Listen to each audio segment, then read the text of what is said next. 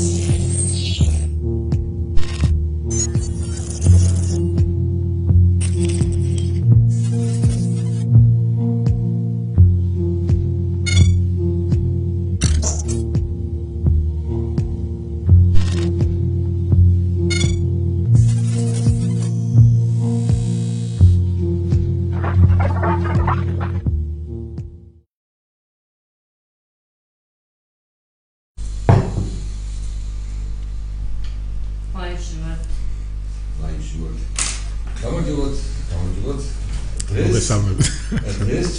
ჩვენი ყავს ძალიან საინტერესო და ძალიან საყვარელი სტუმარი, რომელსაც ჩვენ მე თან ჩვენ ძალიან ხშირად გავდივართ და გვაქვს ბედნიერება რომ ჩვენ ამჯერად ჩვენი როლები გავცვალეთ. ხო, როლები გავცვალეთ და მე რა მეტრეველია ჩვენი სტუმარი. რატო არის ხა მე რა მეტრეველი ჩვენი ხო, აუხს აუხსნათ. მე რა მეტრეველი არის ჩვენი სტუმარი, იმიტომ რომ დღეს გვაქვს საპესიო თემაზე, საპესიო თემაზე. და მე რა აფსაკვის ექსპერტი არა ვარ. მე რა მეტრეველი ჩემთვის ცნობილი ერთადერთი ადამიანია, რომელსაც საპესიო რეფორმა მოწონს. აჰა. და მე წავიკითხე Facebook-ზე მე რა.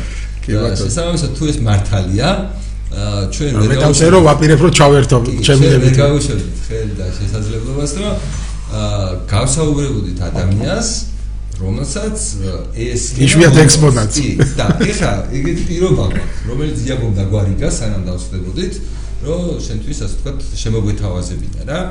ну გასაგებია ვისაუბრებთ ბევრ საკითხს მიმოუხილავთ ამ თემასთან დაკავშირებით და ესეთი პირობა რომ დავდოთ რომ თუ მაგალითად შენ დაგვარწმუნე რომ შენ მართალი ხარ ну ჩვენ თქვენ ჩაერთვათ ჩვენ ჩავერთვით მეცდები ყველანაირად. მე ისედაც მომიწევს ასე. ხო იმას არჩევანი არა აქვს. თუ მე ხო მე ნახო იმიტომ რომ ბებერი ვარ და ეს ახალგაზრდა იმიტომ ყავს ამავე დროს თუმცა რომ მას არჩევანი არა უნდა არ უნდა ჩა სამაგალითოდ გვიზის.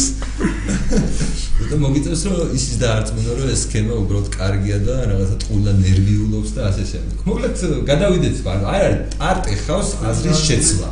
ანუ მე თუ მივიღებ შენს არგუმენტებს გადმოდივარ და მე უბრალოდ იმედი მაქვს ხო ვერ მოგთხოვ მაგრამ იმედი მაქვს რომ შენს თუ ის არგუმენტები რასაც თქვა ჩვენ ვიტყვით შენთვის მისაღები იქნება იქნებ შენს გადაიფიქრო ეს იქნება ჩვენთვის მიღწევა. კი ბატონო. ანუ იდეაში ჩვენი ასე თქვა საუბრის მიღწევას შევაფასებთ იმას, რომ შენ რაღაცა მაინც გადაიფიქრო, რაც ადრე მოგწონდა.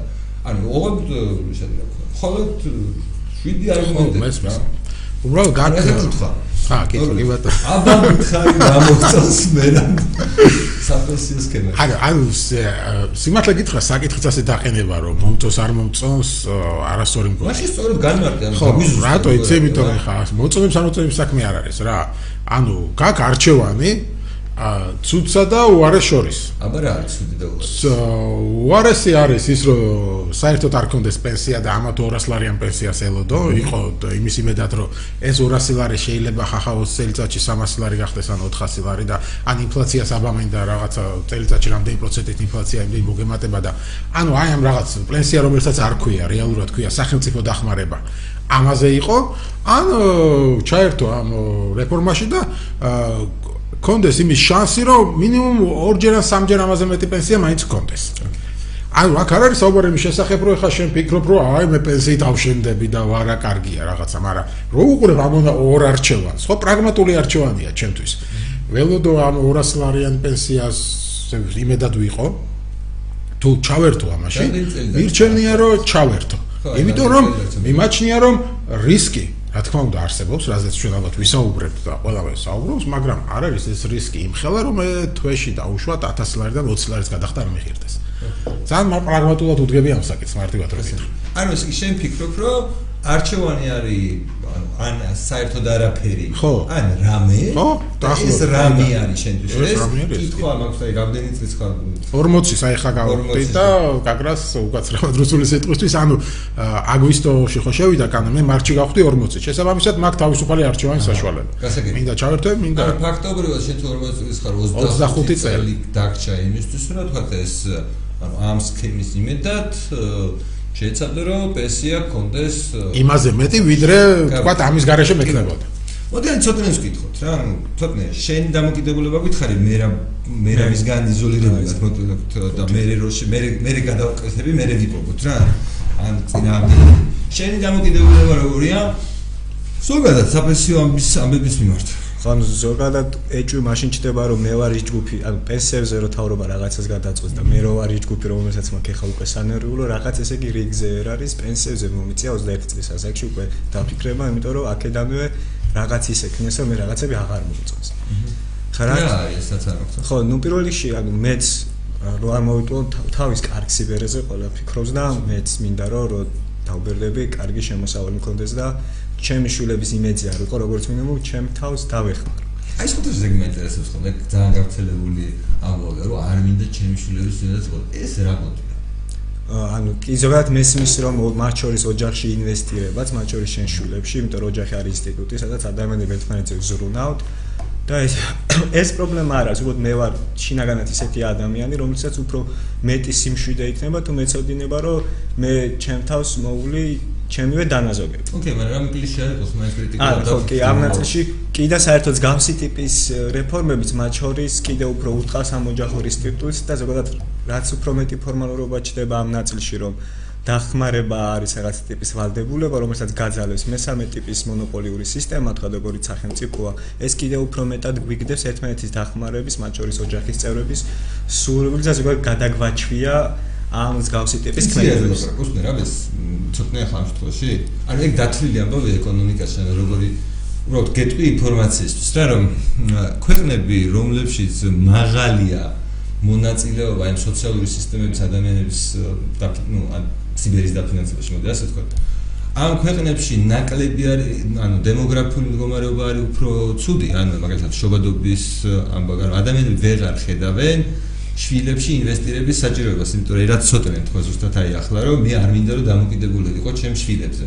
ანუ ეს რო არ უნდა ადამიანები ეს არის მე-20 საუკუნის მე-20 თანამედროვე ადამიანის შეხედულებაა რა, უნდა რომ იყოს დამოუკიდებელი და დამოუკიდებლობა გააჩნილის ხარჯზე მიიღწევა, თუ ეს მიიღწევა სახელმწიფო დაფინანსების ხარჯზე, ანუ რეალურად ხდება, ხდება ის, რომ ეროზია ხდება ოჯახების, ანუ არაფორმალური ინსტიტუტების. ჩემი აზრით, ჩემი აზრით ცოტა დემაგოგიური მიდგომაა. არა ის რო სტატისტიკური არა, შეიძლება ხო არსებობს ასეთი მოსაზრება, მაგრამ ეხა ანუ იმიტომ რომ ეხა ეს დაუკავშირებას რომ ბეთოფული მექნება და შვილებზე არ ვქნები დამოკიდებული ეს რაღაცა შვილები შვილი არ მოგინდება ამის გამო ცოტა ჩემი აზრით არა არ არის ბუნდებრივი მარშვილი მარტო იმის გამო ხომ არ გინდა რომ სიბერეში მოგიაროს ხო ან ზრუნვისთვის გინდა ხო მარტო ამისთვის ხო არ გინდა შვილი და სხვადასხვა ის არ მგონია რომ მარტო იყოს მიზეზი სხვა ქვეყნებში კულტურებში ეკლესია იქნებოდა სხვა ადამიანები ვიტრო თემაში ოჯახი ყოფილიყო რაღაც ტიპის კომუნი, სადაც ერთმანეთს ნებაყოფლობით მიჩეული იყვნენ, დახმარებოდნენ და თანამედროვე ტიპის სახელმწიფოში ეს ნაკლებია უფრო ფორმალურ ნაწილში. ხო, კი ბატონო, აქ კიდევ ერთხელ ეს არ გამორიცხავს. შენი პენსია შეიძლება ვერ იყოს იმდენი, რომ მარტო შეძლოს, ხო? უბრალოდ იმ უკეთესი იქნება, თქვა და რაღაც 180 ლარი არ იქნება და 200 ლარი არ იქნება. ხო, ამაზე არის საუბარი, რომ ხო. ხო, აქ საუბარი არის იმის შესახებ, რომ შენ გექნება მეტნაკ უბაზე კარგი პენსია, ვიდრე ამის გარეშე გექნება მოხდება და შვილების დახმარება შეიძლება დაგჭირდეს და ამაზე უარს არ ეთქვა რა პრობლემა ეხა. თუ შვილს მოუნდება შენ დაგეხმაროს ამაზე ვარს ხوار ეთყვი არა? აქ მე არ მგონია საკითხი ასე იდგას რომ შვილი ეხა მე იმიტომ გავაჩინე რომ კი შეიძლება ვიღაცისთვის იყოს ეს мотиваცია რომ სიბერეში ვიღაცა მომხედავი მყავდეს მაგრამ პენსია ამას როგორ შეცვლის მე ვერ ხვდები. შვილს ვერ შეგიცვლის პენსია რა? მარტივად რომ დავაყენოთ საკითხი. პენსია შვილს ვერ შეგიცვლის. გიცვლის ადამიანებს. საუბრობთ ადამიანები სტიმულებს ექვემდებარებიან ეკონომიკურ სტიმულებს ექვემდებარებიან და ეს მნიშვნელოვან გავლენას ახდენს შობადობაზე აი ევრო ევროკავშირის ქვეყნებში შობადობა არის ერთი ნახევარი, ანუ ორი ადამიანი. გასაგებია, ეგ ზოგადად არის რომ უზრუნველყოფს ან იმაზე ნაკლები ჩნდება, ვიდრე იყვნენ.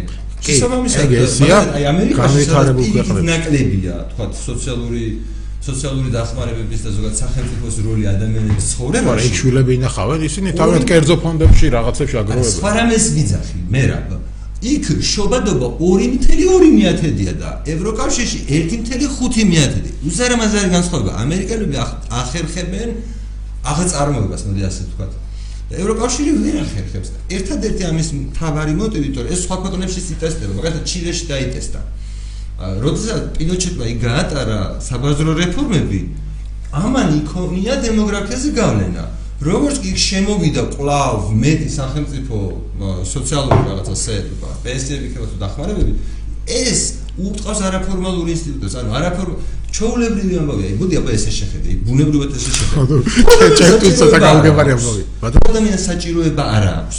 ხები? ანუ უბრალოდ არ აქვს საჭიროება იცის რომ მისი სიბერე რაღაცა სახელმწიფოს მიერ იქნება ის ხო ნაკლებ საშუალებას მოძებნის სიბერის და ამიტომ სახელმწიფომ არ უზრუნველყოს ადამიანების სიბერე და დავტოვოთ ბედისანაბარა ვისაც ბუნებრივად არ უჩდება შვილი იმარ აქნას მაშინ თუ სახელმწიფომ ესე დაყოს რომ ვისაც შვილი ყავს იმას პენსიას არ მიცემ და ვისაც ვისაც ვისაც ვისაც შვილი არ ყავს იმას მიცემ თუ როგორ გამოვა ოკეი მაგას ბევრი ასპექტია და მათ შორის მაგის ნაწილი შეიძლება განვიხილოთ და არის არის აქეთ დიდი გონივრული ლოგიკა. კიდე რომ გავაგზავნო რაც ახალგაზრდა ვარ და ეხლა მე როდესაც ამასაში ძალიან ბევრი ადამიანთან მომიწევს კონკურენცია რომ სამუშაო ადგილი ვიპოვო და ამ ნაწილში სახელმწიფომ დამემატა კიდე ერთი რაღაც მინუსი, რაც შეიძლება მე მქონდეს, ხო, ახალგაზრდა ადამიანში ნაკლები გამოცდილება მქონდეს, მაგრამ პლუსები აქვს, რომ ენერგია მქონდეს, ერთი მინუსი მომემატეს, რომ ჩემი სამსახურში აყვანა უფრო მეტად ძვირი დაუჭდებათ, ვიდრე იმ ადამიანის, რომელსაც ნება ყოფილი თუ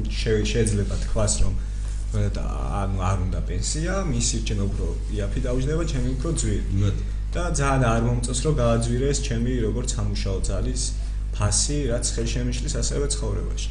აა შეთანხმები ეგ მინუსი აქ არის. კი, გარდა ამისა ზოგადად არ მომწონს, როდესაც პასუხისგებლობები ჩემ ცხოვრებაზე გადამაგ იმ თაობებზე, რომლებსაც არსებობა მოუწევთ საერთო სხვა რეალობაში და მათ შორის აი სახელმწიფოს ნაწილშიც ანუ როა ვერ ვუყურეთ მაგალითად 200 ლარი გამიზდება თუ არა ეგ უნდობლობა კი სახელმწიფოსთან ყველას გვაქვს და მათ შორის მე რო სახელმწიფოს არ ვენდობი ისე შეიძლება ვერ უნახოს სხვა ადამიანი. როდ მაგნაციშიც ანუ ის მოტივები რომ გამაჩნდეს რაც მე რა შეიძლება შენ გაგაჩნია ანუ მგონია რომ აი 4 წელიწადში ერთხელ რომ ტიპი ჩემთან მოვა და სახვეწარი აქვს ჩემი ხმა. თუ ისეთი ტიპის აპრესიო სისტემა იქნება სადაც უშუალოდ შეიძლება დამფირდეს რომ მე შენ უკეთეს სოციალური ტიპის დახმარების სისტემა შემოგთავაზე და 4 წელიწადში ერთხელ მე ვყავს ამოწმებელი, ჩემი ხმისთვის სანადირო აქვს, აგერენ პოლიტიკოსები ერთმანეთს ასწრებენ, ვინ რაღაცა პენსიას როგორ მოგწევს. ამ ნაწილში ეს ეს ადამიანები დღეს უფრო მეტად მოქოქილები არიან, უფრო მეტ შეეცდებიან, ვიდრე, ოდესაც ან რო ვერ მივიღოთ ის სისტემა, რაც კარგი იქნება და რას მეტყვის ეს ადამიანი, შენ 50 წლის უკან რაღაცას ხარი და უჭირე.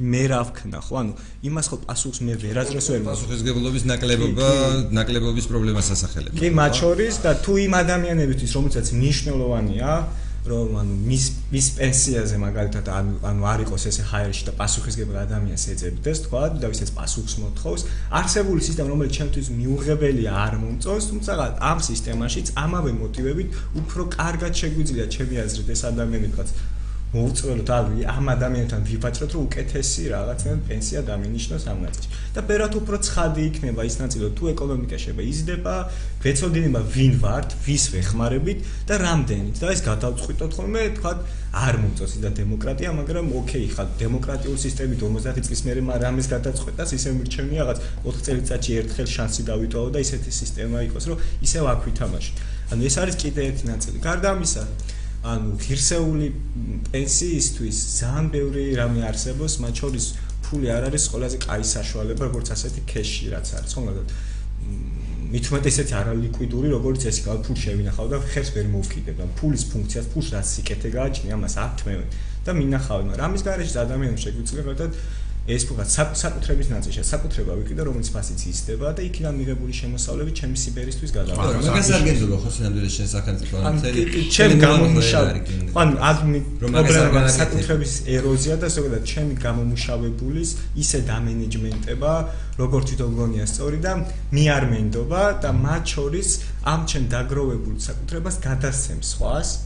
და ის სხვა ჩადეს სხვადასხვა ტიპის ბიზნესებში, რომლიდან ამონაგებით და შეიძლება მე ვიხეირო. უბრალოდ მე არ მესმის, რატო ვაჭრობე ჩემგანამით, რატო ფიქრობე, რომ მე მის დამეჯმენტებას უფრო ცუდად მოვახერხებდი, ვიდრე ის ადამიანები. და სულ რომ უფრო კარგად გაანახოთ, გააკეთონ ის, ანუ ფულს მარტო ის პლუსი ხო არ აქვს, ერთი წლის მერე ორჯერ მეტი იყოს. რაში მაინტერესებს, მე თუ ხვალ მჭირდება კონკრეტულად რაიმე წამლისთვის მჭირდება, მე რა ვიცი. დასაცვის ხედვა მინდა. ის ფულს ისე მენეჯმენტი პერება მინდა, როგორც მე მინდა. ანუ არა აქვს ჩემთვის მნიშვნელობა 100 წლის მერე უმეტეს ეს სისტემა იმუშავებს თუ არა, მნიშვნელობა ამათ ჩემთვის არ აქვს. ეს ცალკე ტიპის არგუმენტია. მე არა, ესეც არ მაინტერესებს. იქამდე ნუ მიმიყვან. მე იქამდე ღირსეულ სიმერემდე ღირსეული ცხოვრება მინდა. აქვე მინდა დავიკმაყოფილო ჩემი სრულები და ამ ნაწილში წინათ პრობლემა ფილოსოფიურ პრობლემაზე დგება, ხო? ანუ საკუთრების უფლების ეროზია არის. ჩემი ერთ გამომუშავებულ ფულზე კარგავ კონტროლს რომ ფულითა რომელიც ჩემივე სიკეთისთვის შეიძლება ყოფილიყო გამოყენებული და ამავე არგუმენტით მართლა რომ შენთვის ეს არ იქნება ეხა კარგი მომავალში უფრო გამოგადგება შენს გონებრივ შესაძლებლობა შესწრა ანუ ზოგადად ახალგაზრდების ვისაც ევალება ხო? ანუ სავალდებულოებისთვის ესე ანუ ოფიციალური პოზიცია რომ თქვენ რაც შენ დაასახელე ის რომ შენ შეიძლება უფრო გონივრულად განკარგო შენ შენივე საკუთრება ის რომ დღეს შენ შეიძლება გჭირდება და რაღაცაში გამოიყენო დღეს და რა თქმა უნდა შეინახო და სანამ სასაკითხოს ეს ყველაფერი სამბლეში ეს ეს კარგი თვისებები არ ახასიათებს ადამიანებს და ამისთვის არსებობს თავრობა რომ ესე არა მე ის ცოტა სულ ხო. მე ხა თქვენთან გქონდა ანუ შენ დღეს ესე იგი რადგან ამას არ გააკეთებ, ფაქტობრივად გამოდის, რომ შენზე უნდა იზრუნოს ვიღაცამ და ეს ყველაფერი, მათ შორის აი ის რისკები, რომელიც შენ დაასახელე, არის იმისთვის, რომ შეიძლება ერთი ადამიანი, ორი ადამიანი, მაგრამ მასაში ხალხი ამას არ გააკეთებს და ამიტომ არის სავალდებულო. სავალდებულობის პრობლემა არის, ხო, თავარი, ანუ სავალდებულო რო არ იყოს, სხვა რავის პრობლემა არ გვექნებოდა. საერთოდ ეს საუბარიც კი არ შედგებოდა, ხო?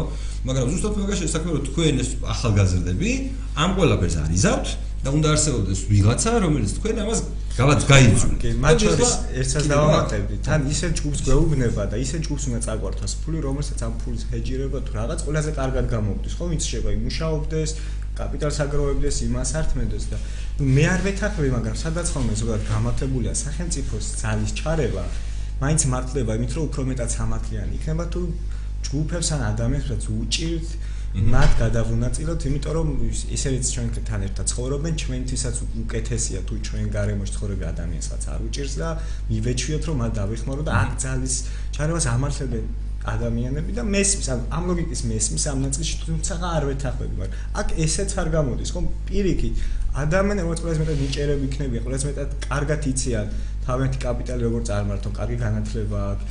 ამ ადამიანის სახეიროდ კეთდება ზოგადად ეს სისტემა, რომელსაც მათ შორის ისეთი ტიპის ადამიანები დააფინანსებენ, რომელიც უშუალოდ მიდის და მაგალითად უბრალოდ კარაქს კითხულობს მაგალითად და იქიდან ამოგებული ფული და ძაბური არგუმენტები და გაგვებნება, მოდიაც ასაკე დაუბრუნდეთ. მოდი ხომ დაუბრუნდეთ მე რაც. აი, ცოტნე ახალგაზრდა ადამიანმა საკმაოდ ბევრი და საკმაოდ ეს ტექნიკური არგუმენტები თქვა უსამართლობასთან დაკავშირებული, უსამართლობასთან დაკავშირებული და ეხ გარდა იმისა რომ ნებისმიერ ადამიანს აქვს სურვილი მიიღოს მეტი შემოსავალი რაც არაპენსიას რაღაცა მაინც მირჩევნია არგუმენტს პასუხობა მას გარდა ამის არსებობს ძალიან ბევრი საკითხი მის გარშემოც უნდა აღწოვროთ ხო? და ამ აწონის შედეგად რაღაცა დას უნდა გავაკეთოთ. აი რაც ცოტნე ჩამოთვალა ამ არგუმენტებზე. შენთვის ეს არგუმენტები აი რაიმე აი შენ შენ შენ თავთან ჯელობის დროს გამოიყენება თუ არ გამოიყენება? რა თქმა უნდა, რა თქმა უნდა, ეს არგუმენტები ყველა რელევანტურია და ამიტომ ვთქვი, რომ ეს არ არის სისტემა, რომელზეც ვიტყვით, რომ რა მაგარია. ამიტომ ვთქვი, რომ არჩევანი ჩემთვის არის პრაგმატული რა. ცუცოთორებაში ვიტყვით, რომ ძალიან მაგარი სისტემა. ამ სისტემას მუდმივია ბევრი ნაკლი აქვს და იდეალური, იდეალური სისტემა მე არ ვიცი სხვაგან არსებობს თუ არა. ამაზე უკეთესი შეიძლება არსებობდეს. მაგალითად, მე უფრო მეტად მომწონდა ის სისტემა, რომლებიც შემუშავებული აქვს უმრავლესობაში სოციალისტები ვინც არიან, აი ბექანაცვლიშვილის და მათ საერთოდ სხვა ისა უფრო მომწონს. ბევრი მიზეზის გამო ის დადგება ეხლა კენჭის ხრაზე მაგრამ ეჭვმოსო ჩააგდებს ხელისუფლება, იმიტომ რომ იმ სისტემით ამდენ ფული ერთდროულად ამათ რო უნდა შეიძლება არ შემოვიდეს. მაგრამ იმ სისტემას აქვს უფრო უპირატესობა რა, მაგალითად ის რომ შენ უკვე თქვათ ხვალვე შეიძლება გაუზარდო დღეს მოქმედ პენსიონერებს თუ არა, ისინი ვინც თქვათ ეხლა გადიან პენსიაში, იმათ მაინც გაუზარდო. ამ ამ სისტემით როგორ არის, ხო იცი 45 წლის ადამიანი შეიძლება აზრი აქვს ჩაერთოს 50 წლისას, ახლა მეტნაკლებად არა. მე აზრი აღარ აქვს, ხო ხა ძალიან ცოტა დრო გრჩევა და ფული ცოტა გიგროვდება და ისინი გთავაზობენ როგორ სისტემას იცი ანუ რაღაც სამსვეტიანი სისტემა ხო უფრო დეტალურად თუ გაინტერესებს მოიწვიეთ ბექა და აგიხსნით. ანუ იქ ნაწილდება ეს თანხა და შესაბამისად შენ შენ ფულს კი არიღებ რომელიც შენ დააგროვე არამედ შენ უხდი მამების თაობას მე შენ შენ შვილების თაობა გიგროვებ და ანუ შენ შეგიძლია ხვალვე გასცე თქვა გაზრდილი პენსია და ზეგრე ხო მე გითხარით რომ რაღაცები ხო ამას მეც ბევრ რამე არ მომწონს. რასაც უბრალოდ სახელი გამახსენე ცოტნე ცოტნე ამბობს. ხო ეს არგუმენტები ბუნებრივია არსებობს მაგრამ მიუხედავად ამისა მე მიმაჩნია რომ უნდა შევარდე რა. ბრაკ მაგალითად საუბარი იმის შესახებ რომ შენ შეგიძლია უკეთ განკარგო შენი თანხა ხო? კი ბატონო ეს ესეა მაგრამ მასე თუ მიუდგებით ჩვენ რომ ყველა გადასახადი უსამართლოა და რატომ მართლობენ იგივე 20%-ს საშემოსავლო რა უკეთ გამოსახრო და ასე შემდეგ, მაგრამ ხო, არა, არ ვაპროტესტებთ, იმიტომ რომ კარგად მესმის, რომ გადასახადების garaშე სახელმწიფო არ არსებობს. ხო, შესაბამისად, ასე თუ მიუდგებით ზოგადად. აქ საუბარი რაზე არის? როცა მე ვამბობ, რომ რა მიღირს და რა არ მიღირს, ასე როცა ვაყენებ საკითხს. როცა ცოტნე საუბრობს, რომ მე შემიძლია მაგალითად უკვე დავაგროვო ფული, სადღაც შევინახო ინვესტიცია ჩავდო, მაგალითად მე მომისვენია მოსაზრება, რომ რა თქმა უნდა მე მაგათი პენსია საერთოდ, მაგალითად ჩემი მეუღლეს წინააღმდეგია და ამბობს, რომ რა თქმა უნდა მაგათი პენსია, მე ახლა შევეცდები ვიყიდო რაღაცა ბინა და მე სიბერეში გავაქირავებ და უფრო მეტი თანხა შემომივა აქედან ვიდრე ვიდრე პენსიები რა რატომ არ მომწონს მაგრამ მე მარტივი მიდგოდი გამაქვს რომ ეს რატო გიშლის ხელს რომ ეს გააკეთო? რას გართმევს ეს იმას რომ შენ ბინას ვერ იყიდი? ანუ ეს ხო ერთმანეთს ერთმანეთს არ უშლის ხელს. რა ცოტნე ამბობს იმის გაკეთება შეუძლია და ამაშიც იყოს ის შეუძლია. რატო მოდი დავთვალოთ ხო? დავთვალოთ, 1000 ლარი თუ გაქვს შენ ხელფასი 1000 ლარზე გთხოვენ 20 ლარს. შენ რა დაუჯერო რომ გამოგდის მაგით პენსიით? რა გამოგდის, რა პენსია გამოგდის? რაც გამოდის მე დათვლილი მაქვს მაგალითად ჩემ და შეიძლება დავთვალო კი, არა, უბრალოდ დღეს თქვა ყავდა შვენიერაძე მოწვეული, ანუ რომელსაც საკონსტიტუციაში გაასაჩივრეს, არ ვიცი თუ არა, მაგრამ ნიუსები იყო რა. კი ვიცი როგორ არა მეც ხავდა გადაცემაში ხო, ვისაუბრეთ ამ თემაზე და უბრალოდ ჩანაცვლებაზე ალბათ, რადგან იცი ეს თემა, ну, რაღაც კლევაზე მეუბნებოდა. მე ესე არ დამithვლია, მაგრამ გამოდიოდა 13% ჩავანაცვლების კოეფიციენტი. არა ხო ჩვენ ეს კიდე ერთხელ მოსულა- ჩვენ არ ვამბობთ რომ მე არ ვამბობ იმას რომ არის კარგი პენსია ხო იქნება აი, ისეთი ის- იმაზე უკეთესი იქნება ვიდრე მას მე რა, ხო გადავდგეთ გადავდგათ, იმიტომ რომ ორ- ოც- ათასი დღეს ლარი რაც მაქვს იმაზე მეტი ხო იქნება იმაზე ორმაგი ხო იქნება ვაიმე მოიცადე ერთი წამი. არა, ამა მე ასე ვუყურებ არა, და- არ იქნება არ ერთი იქნება წამი. იმაზე არა, მეტი? ერთი წამი.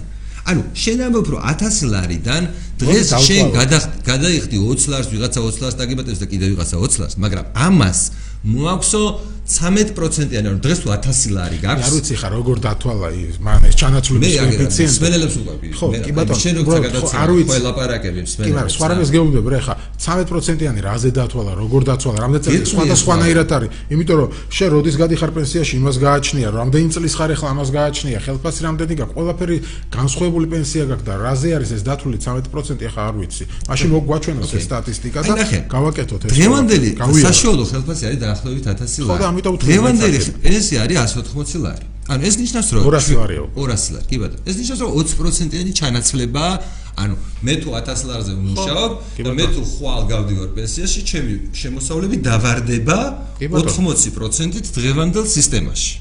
ამ სისტემაში, რომელიც აი ეხლა მე საუკეთესო ვარიანტი, რაც დავითვალე, ოდესღაც, ანუ როცა ვითვლიდი რა, ანუ ან როცა მიდიოდა დისკუსიები, იყო დაახლოებით მოდი მარტივად 30%. დავითვალოთ ვერ და მოდი აი ვერ მაგალითზე დავით აგერ არის პენსიას პენსიონს G ეს არის საიტი სადაც არის ეს კალკულაცია მოცემული და დავთვალოთ მარტივად დავაზოთ ცოტნე რამდენი წლის 21 არის. წლისა. 21 ხო ჩავწეროთ ახლა. შემოსავალი თვეში დაუშვათ 1000 ლარი აქვს შემოსავალი და ვითვლით ამას ხო?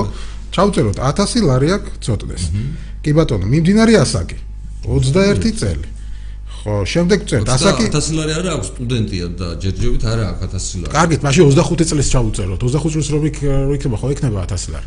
მოდი 25 წელი ჩავუწეროთ მაშინ. მიმდინარე ასაკი 25 წლის მაწვილია და 1000 ლარი აქვს ხელფასი.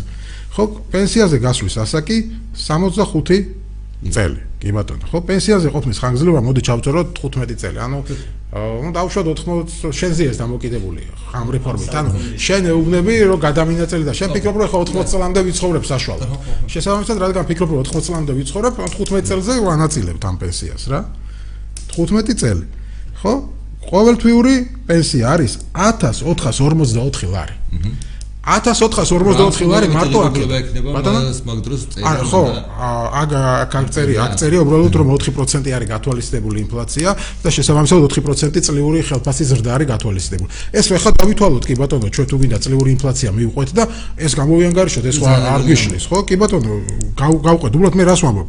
1444 ლარი არის გამოსდის პენსია თვეში, ამას დამატებული 40 წლის მერე? ხო როცა გავა რა პენსიაზე? ხო ეგრე გამოვიდა 40 წლის მერე. ხო ახლა ჩვენ შეგვიძლია რა ვთქვა პენსია გექნება ცოტნე. მოდი მოდი ასე მიუდგეს ვახო მე ხო არ გეუბნები მე თავიდან ამიტომ დავიწყე ლაპარაკი რომ მე არ ვამბობ რომ ვაიმე რა მაგარი პენსია მექნება და მარტო ამის იმედად ვაპირებ ყოფნას.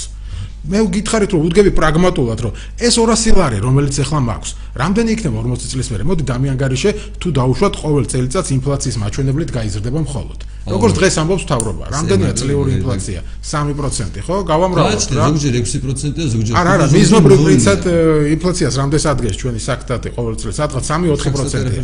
ხო, ნუ ხო, თავრობა უკაცრავად აპატია. 5% საზღვრავდა ხოლმე ადრე, ახლა არ ხო, ნუ ძირითადად უფრო 3-4%-ში ტრიალებენ ხოლმე. შეგვიძლია ეს დავთვალოთ და თუ მარტო ინფლაციით მოიმატებს, რამდენით გაიზრდება ეს პენსია? არ ვიცი, თუ გაქვს კალკულატორი, შეგვიძლია გავაკეთოთ. დათვლა 40 ხო.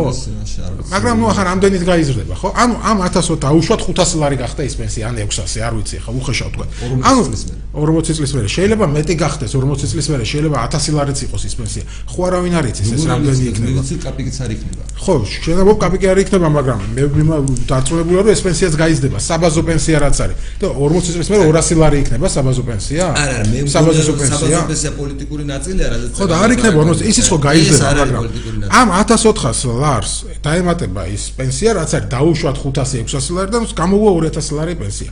ეხლა ჩვენ დავთ იმაზე, რაზე რომ 40 წლის მერე 2000 ლარს რამებს ყიდველობითი უნარი ექნება, არ ექნება, როგორ იქნება, ესეც ამ წლიური ინფლაციის მაჩვენებლით შეგვიძლია დავთვალოთ. მარტივად არ შევცვალოთ, დავთვალოთ, რა, რა, მაგრამ მე სხვა რამეს გეუბნები რომ მე დღეს მაქვს არჩევანი რომ მე ველოდო მარტო აი ამ 200 ლარი რამდენად გამიზრდება და დაუშვა თუ გამიხდება 600 ლარი 40 წლის მერე ან 800 ლარი გამიხდება ვიყო ამ 800 ლარის იმედად თუ მქონდეს 800 ლარს პლუს 1400 ლარი. რომელი ჯობია ხარ 800 ლარი მქონდეს მარტო თუ 800 ლარს პლუს 1400 ლარი? აი ასე უდგები პრაგმატულად და.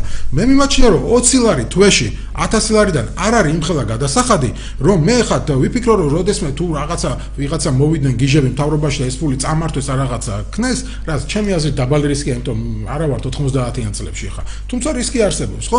მე ეს 20 ლარი თვეში მიიღირს 1000 ლარი და ვიღაცას არ უღირს ამის პარალელურად მე ბუნებრივია ეს 20 ლარი თვეში არ მომაკლებს იმდენ შემოსავალს რომ თუ მე დღეს მაქვს კიდე დამატებით ბინის 1000 ლარიდან მეთვლი რა უკაცრავ არა რატო არ იძახი მაგალითად ანუ 20 ლარს რო იძახი შენ 2% 1000 ლარიდან იმ მეორე 20 ლარს და მესამე 20 ლარს რატო არ ამბობ ის მეორე სლას ჩემ ჩემ თავზე ლაპარაკობ ხა ხო მაგრამ შენ 20 ლარს რო იხდი ფეხებზე კიდია შენ არ მკიდია, და ბიუჯეტიდან რაც პირიქით მიხარია კაცო კიდე მიხარია. 40 ლარს ვიმატებ ეგ რო გიხარია მაგი ამიხსენ ჟაპონში გიხარია. ერთი წუთი ხო მაგაზე მივიდე ერთი წუთი დავასრულებ ამას. ანუ შევხედოთ ახლა მე ეს 20 ლარი ხო არ მაკლებს. იმდენ ფულს რომ თუ მე დღეს მაქვს ბინის ყიდვის საშუალება ჩემი შემოსავლით ამ 20 ლარმა დამიკარგოს ბინის ყიდვის საშუალება ხო პარალელურად ბინასაც ვიყიდი და იმასაც გავაქირავებ ანუ დამატებით შემოსავალს მე მიმაჩნია მომწეს იმიტომ რომ ეხლა მოდი ასე მივუდგეთ საკეს თუ შეიძლება დავამთავრებ ხო სად შეიძლება შენ შენი ფული კიდევ დააბანდო რომ მე სიბერეში გამოგადგეს. ხო ერთი ბანკში შეინახო. მეორე აგერ ჩადო თქვათ ბინა იყიდო, თუ ახლა ბიზნესმენი ხარ და ბიზნესში ეგზლია ჩადო, ეს საერთოდ სხვა თემაა და ამას არ ვეხები. ჩვენ ვეხმები დასაქმებულებს. ხო? ვერც ერთი ბანკი და ვერც ერთი ბინა შენს 20 ლარს ვერ გიქცევს 60 ლარად. არ არსებობს. ანუ გიქცევს, ეს სქემა გიქცევს. ხო, იმიტომ რომ წარმოიდგინეთ რას გეუბნები 20 ლარს შე რომ შეიტანო ბანკში მოგცემენ 7%-ს, 8%-ს გიმატებენ, ხო? მეტი დეპოზიტი ხო არ არსებობს. ან ჰა ჰა 10%. აა, ბინა არ ვიცი რამდენ რამდენად გადაგიყვანს ამას, მაგრამ საბოლოო ჯამში საპენსიო ფონდი შენ 20 ლარზე 200%-იან დანამატს გაძლევს, ანუ 200%-იანი დეპოზიტი ხო სხვაგან არის. ანუ ამ 20 ლარს სხვაგან უკეთეს ანუ ვერსად ვერ დააბანდე. არ არსებობს 200%-იანი დეპოზიტი ვინმე მოგცეს 20 ლარზე. ეს გეუბნება თავრობა რომ 20 20 და მაგრა გაუხადა თავდროზე ხო, ანუ 20 ლარზე შენ თავრობა გეუბნება რომ 200%-იან მოგებას გაძლევ და შენ რატომ უნდა თქვა უარი რა მითხარი 1 2 როგორ? 3 რა მაგის სამართლიანობაზე ეს აჯიტირებული რო ხო აი ეხლა ეს მეორე საკითხი ხა სამართლიანობა უსამართლობას ჩვენ რა ვუდგებით მეორე რა საკითხი? არა ერთი საკითხი მე კარი პირველი საკითხი იყო. ეგ არის, ხო? კი ბატონო. პირველი საკითხი მოდი შენ მითხარი ჯერ ასე დავები სამართლიანობაში და მე მე გაგწევ არა მე კონკრეტულად გეკითხები. აი შენ რო იძახი 20 ლარში 200 ლარს ვიღაცა გიმატებს. ეს 200 ლარს არა 20 ლარში 40% 40% 200 200% გაძლევს. რა. აა მე- 200 არა მარტო პლუს ის რომ თუ ჩადებენ რაღაც ფინ- საფინანსო ქაღალდები იქნება თუ რაც იქნება ინვესტიცია იქ კიდე ემატება მოგება მეტი მეტი შეიძლება. აი საიდან მოდის ეს 200%-იანი დანამატი? ვისია ეს ფული ნაწილი არის დამსაქმებლის ნაწილი არის საქმეების ბიუჯეტის ფული ვისია დამსაქმებლის ფული არის დამსაქმებლის და მესმის შე რასაც ამბობ ყველაფერი შეიძლება ხალხის არის ამაზე მესმის ეს დავა. ვიღაცას გზარცვა. ვიღაცას არ ვიღაცას ზარცვა რას ნიშნავს ამ შემთხვევაში შენ როცა გადასახადებს ვიღაცას უწესებ მაშინ ყველაფერს შენ შეგვიძლია კი, რა თქმა უნდა, დავა მაგალითად ვინც გადასახადს ზარცვა დავა მე ხა ჩემი დამსაქმებელი თუ და- მე თხურ ან ვახო ასე მივუდგეთ საკითხს რა. მე მაქვს დაუშვათ 1000 ლარი დღეს ხელფასი ხო? მე რომ მივდივარ და ჩემ გადასახა დამსაქმებელს ვეუბნები რა 1000 ლარი კი არა 1200 მომეცი. თორემ წავალ ზარცვალ მას. ჩემი ინტერესია რომ მე ჩემს დასაქმებელს რაჩელა მეტი ფული გამოვარდნეს. მარტივი ინტერესია რა. მაგრამ როგორ ვერ ადარებ იმას, რომ სახელმწიფო როცა გეუბნება სავალდებულობას და როდეს ანუ სავალდებულობა იმას ნიშნავს, რომ შენ თუ ამას არ დაემორჩილები და ისჯები და როდესაც მიდიხარ დამქირავებელთან და იმას კი, ეს განსხვავება არსებობს, გეთახმები, მაგრამ სავალდებულო არის ყველა გადასახადი, ყველა გადასახადი სავალდებულოა და შენ მაშინ ამ პრინციპით შეგიძლია მიუდგე, რომ ყველა გადასახადი გავაუქმოთ. ეს გადასახადი ოფიციალურად გადასახადში არ ჩათვალეს ამას. გასაგებია, მაგრამ მე ასე უყურებ, რომ ეს არის სოციალური გადასახადი დამსაქმებლის. მისი პასუხისგებლობა, ანუ როგორ ნაწილდება? აქ პასუხისგებლობა ნაწილდება შენ შენ თავს აძლევ 2%-ს, 2% სოციალურ პასუხისგებლობას აკისრებს დამსაქმებელს და 2%-ს იკისრებს სახელმწიფო თვითონ. ანუ შენ ახარ ის ადამიანი, რომელიც მორალურად გამართლებულად მიიჩნევ, რომ შენ დამსაქმებელს სახელმწიფოს გავლით აიძულებ და სამართლიანად მიგაჩნია, რომ მას ამ ფულს არ თმო, ხოსია? ამავე დროს შენვე სამართლიანად მიგაჩნია, რომ არაპირდაპირი გადასახადებით შეკრებილი ბიუჯეტი, რომელიც გადაიხადეს შენმა უფრო გაჭირვებულმა თანამოქალაქეებმა, ამ სახელმწიფო მიმის გამო, რომ შენ მომავალში პენსია მიიღო, ერთი იმდენი იმადგან ვარ, თქო? უფრო გაჭირებულმა რას ნიშნავს? ანუ მაგალითად, ჩვეულებრივ გადასახადს, ჩვეულ ანუ იმ მე მე იმაზე მეც ვიხდი გაჭირებულმა. ეგრე ეგრე არ მივუდი საკითხს. ჩვეულებრივ ადამიანები, ამ პენსიას არ მიიღებენ, საერთოდ მიიღებენ ამ პენსიას და დღესვე შეიძლება ბევრად უფრო მძიმე მდგომარეობაში არის ვიდრე ჩვენ. ან ის ადამიანები, რომლებიც ამ სისტემაში ჩაერთვებიან, რასაც ცოტნე ამბობდა, რომ სად არის ლოგიკაო? ანუ ერთ-ერთი არგუმენტი ცოტნესი იყო, რომ ადამიანები რომლებიც დღეს უნდა ჩაერთონ ამ სისტემაში სავალდებულოდ, მე და შენ სავალდებულოდ არ ერთვებით, მაგრამ ცოტნე ერთვება. კონკრეტულად ეს ჯგუფი არის ყველაზე უფრო წარმატებული ჯგუფი, შესაძლო ყველაზე უფრო პერსპექტიული სამომავლოდ, ხო ასეა? და ამ ადამიანებმა უნდა მიიღონ უფრო მათზე გაჭირვებული ადამიანების ფული, ბონუსად. მათზე გაჭირვებულს რატომ უნდა მიიღონ მათ? ერთი იმდენი რასაც გადაიხდის. ხო. უნდა დაუმატოს ბიუჯეტი დამსაქმებელმა და ბიუჯეტმა ხო. ბიუჯეტმა უნდა დაუმატოს ერთი იმდენი რომელსაც დამსაქმებელთან არის კაი ოკეი შენ არ გევასება დამსაქმებელი არა ვასებაზე არ არის საქმე ეტო ცუდი დამსაქმებელი არა არა არა დამსაქმებელი მე ვასება არ მევასებაზე ხო არ არის საქმე აქ საუბარი არის მარტივ რამეზე რომ ჩვენ კონსტიტუციაში ვიწერია ვარ სოციალურ სახელმწიფო, სოციალური პასუხისგებლობა არსებობს, არსებობს. თუ არ არსებობს სოციალური პასუხ, ანუ სოციალური პასუხისგებლობაზე უნდა იყოს დაფუძნებული ჩვენი სახელმწიფო. სოციალური პასუხისგებლობა ნიშნავს იმას, რომ შენ მარტო დამსაქმებელი რო ხარ, შენ თავზე არ ფიქრობ მარტო. ეს არის სოციალური პასუხისგებლობა. სოციალურ სახელმწიფო, ჩვენ თო ლაპარაკობთ იმაზე, რომ როგორ არის იმ ქვეყნებში, სადაც ასეთ სისტემები მუშაობს, ხო? ევროპის ბევრი ქვეყანაში სოციალური პასუხისგებლობა არის მაღალ დონეზე და შესაბამისად ეს არის ჩემი აზრით უფრო სამართლიანი სისტემა სოციალური პასუხისგებლობაზე, რომელიც არის დაფუძნებული ვიდრე სხვანაირი სისტემა. ამ თემაზე ხა ჩვენ გვაქვს იდეოლოგიური სხვაობა რა.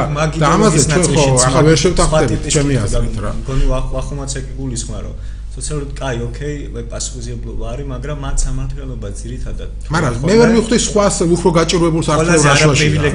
სოციალურად სუდად გიხსნი. ხო, ამის შესაძლოა. უფრო გაჭირვებულს რატო ვართმევ? ფულს ამის. სოციალური ტიპის სახელმწიფოებში ძირითადად გულისხმობენ ისეთი ტიპის რაღაც დისტრიბუციას ფულის, სადაც ყველაზე არაპრივილეგირებული ჯგუფები იღებენ ამ სახელმწიფო ძალი წართმეულ ფულს თვითონ ანუ რაღაც ტიპის დისტრიბუცია ხდება სადაც წარმატებული წარმატებული ადამიანები იჩაგრებიან წარუმატებლების დასაფინ ანუ უთანასწორობა ოღონდ ყველაზე წარუმატებელი ადამიანების სასიკეთოდ ეს არის ხოლმე სოციალური ტიპის სახელმწიფო. ხო ომაკ შენ ესე ესე უყურებ ამას რომ ეს არის ეს სახელმწიფო მე ესე არ უყურებ ამას. ანუ ოკეი დიდრების საკეთილდღეო წავართვათ ამ ლოზუნგით მე არ მინახია სოციალური ტიპის სახელმწიფო. დიდრები დავაფინანსოთ ღარიბების ხარჯი. არა არა ხო სოციალური ტიპის სახელმწიფო არის. ხო უბრალოდ შენ ეხა ამას უყურებ რომ რაღაც წარმატებული და წარუმატებელი ადამიანი ხო? აა ოკეი. ანუ ჩვენ რას ვამბობთ რომ თუ ადამიანი არის წარუმატებელი, დაე მოკვდეს სიღარიბეში. ხო ეს არის ჩვენი მიდგომა. და არ მომწონს ეს მიდგომა რა. მარტივია ჩემს იმიტომ რომ შენ რო სახელმწიფოში არსებობ, ხო? შენ გაქვს რაღაც პასუხისგებლობა. თავისუფლება არ არსებობს პასუხისგებლობის გარეშე. ადამიანი როცა გაჩნდა თავისუფალი, მას რაღაც პასუხისგებლობებიც აქვს საკუთარ თავზე და ის რომ შენ გაქვს საშუალება იშოვო ბევრი ფული. მე რა მესის მეს რასაც კაი უკაცრავად. ჩვენ შორის იდეოლოგიური განსხვავებაც მესის მათ შემიძლია ვკამათო დღეები და ძალიან ხოდა ჯერ არა ჩვენ შორის ეს იდეოლოგიური სხვაობა არის იმის თქმა მინდოდა რომ ხა რასაც მე გულისხმობ ამ ნაწილში ჩვენ რომ ერთი და მე რომ შენ იდეოლოგიაზე ვიყო კითხვის ნიშნები მაინც გამიჩნდებოდა თქო. იმიტომ რომ ფიქრობ რომ სოციალური ტიპის სახელმწიფოში თუ სახელმწიფო ვინმეზე ძალადობს როგორც მინიმუმ იხეიროს იმ ადამიანს ვისაც უჭირს მაგრამ მე ვფიქრობ, რომ აი ამ სისტემით პირიქით ის ადამიანებისაც ყველაზე მეტად ეხა უჭირთ. ხო და ეს ამიხსენით. ვერ ფულს ვერ ნახავს, მას ეს ფული ვერ დაუბრუნდება. ადამიანი რომელიც ვერ მუშაობს, ანუ სოციალური ტიპის სახელმწიფოები რო ძირითადად ზრუნავენ იმ ადამიანებს, ვისაც საკუთარი შემოსავლები არ გააჩნია. შრომით არ შეუძლია საკუთარ თავს მიხედო. და მათ შორის საქართველოს არის ესეთი უამრავი ადამიანი, დღესაც თუ ვინმე პენსიას მოითხოვს, განიცდის, ვისაც არის სენსიტიური ეს თემები, ძირითადად არიან ის ადამიანები, ვინც თავიანთ თავს თვითონ ვერ ირჩენენ. ანუ არ აქვს სტაბილური შემოსავალი როგორც მინიმუმ. და ამ ნაწილში ჩვენ ისეთი სოციალური ტიპის დახმარების სისტემა მოვიფიქრეთ, რომ ესეთი ადამიანები, ვინც ახლა არ არიან დასაქმებული, თავიანთ თავს ვერ არჩენენ, ხერს ვერ ნახავენ და პირიქით ბიუჯეტი კიდე გროვდება იმ ადამიანის ფულით, აქ უკანაში ცხოვრობს. ანუ შეიძლება ამათ უფრო მცირე გადაიხადონ ბიუჯეტში ვიდრე სხვა, ანუ მაგრამ ისინი ციხდიან ფულს, თუმცა არაფერი არ უბრუნდებათ ამ სისტემით. ერთადერთი აჩვენებს რამე სიხდის ყოველს უბრუნდება. პლუს ამ სისტემით უფრო ნაკლებად დაუბრუნდება, ვიდრე ის რომ მოვიფიქროთ იმგვარი სისტემა, სადაც ვთქვი რომ ისეთეს მოვიფიქრეთ, მაგაზე კი არა. ამიტომ დავიწყე რომ ეს სისტემა არ არის ჩემთვისაც იდეალური. მე მაგალითად ძალიან ძალიან გული მწყდება რომ ამ სისტემით დღევანდელ პენსიონერებს არაფერი არ ეხებათ.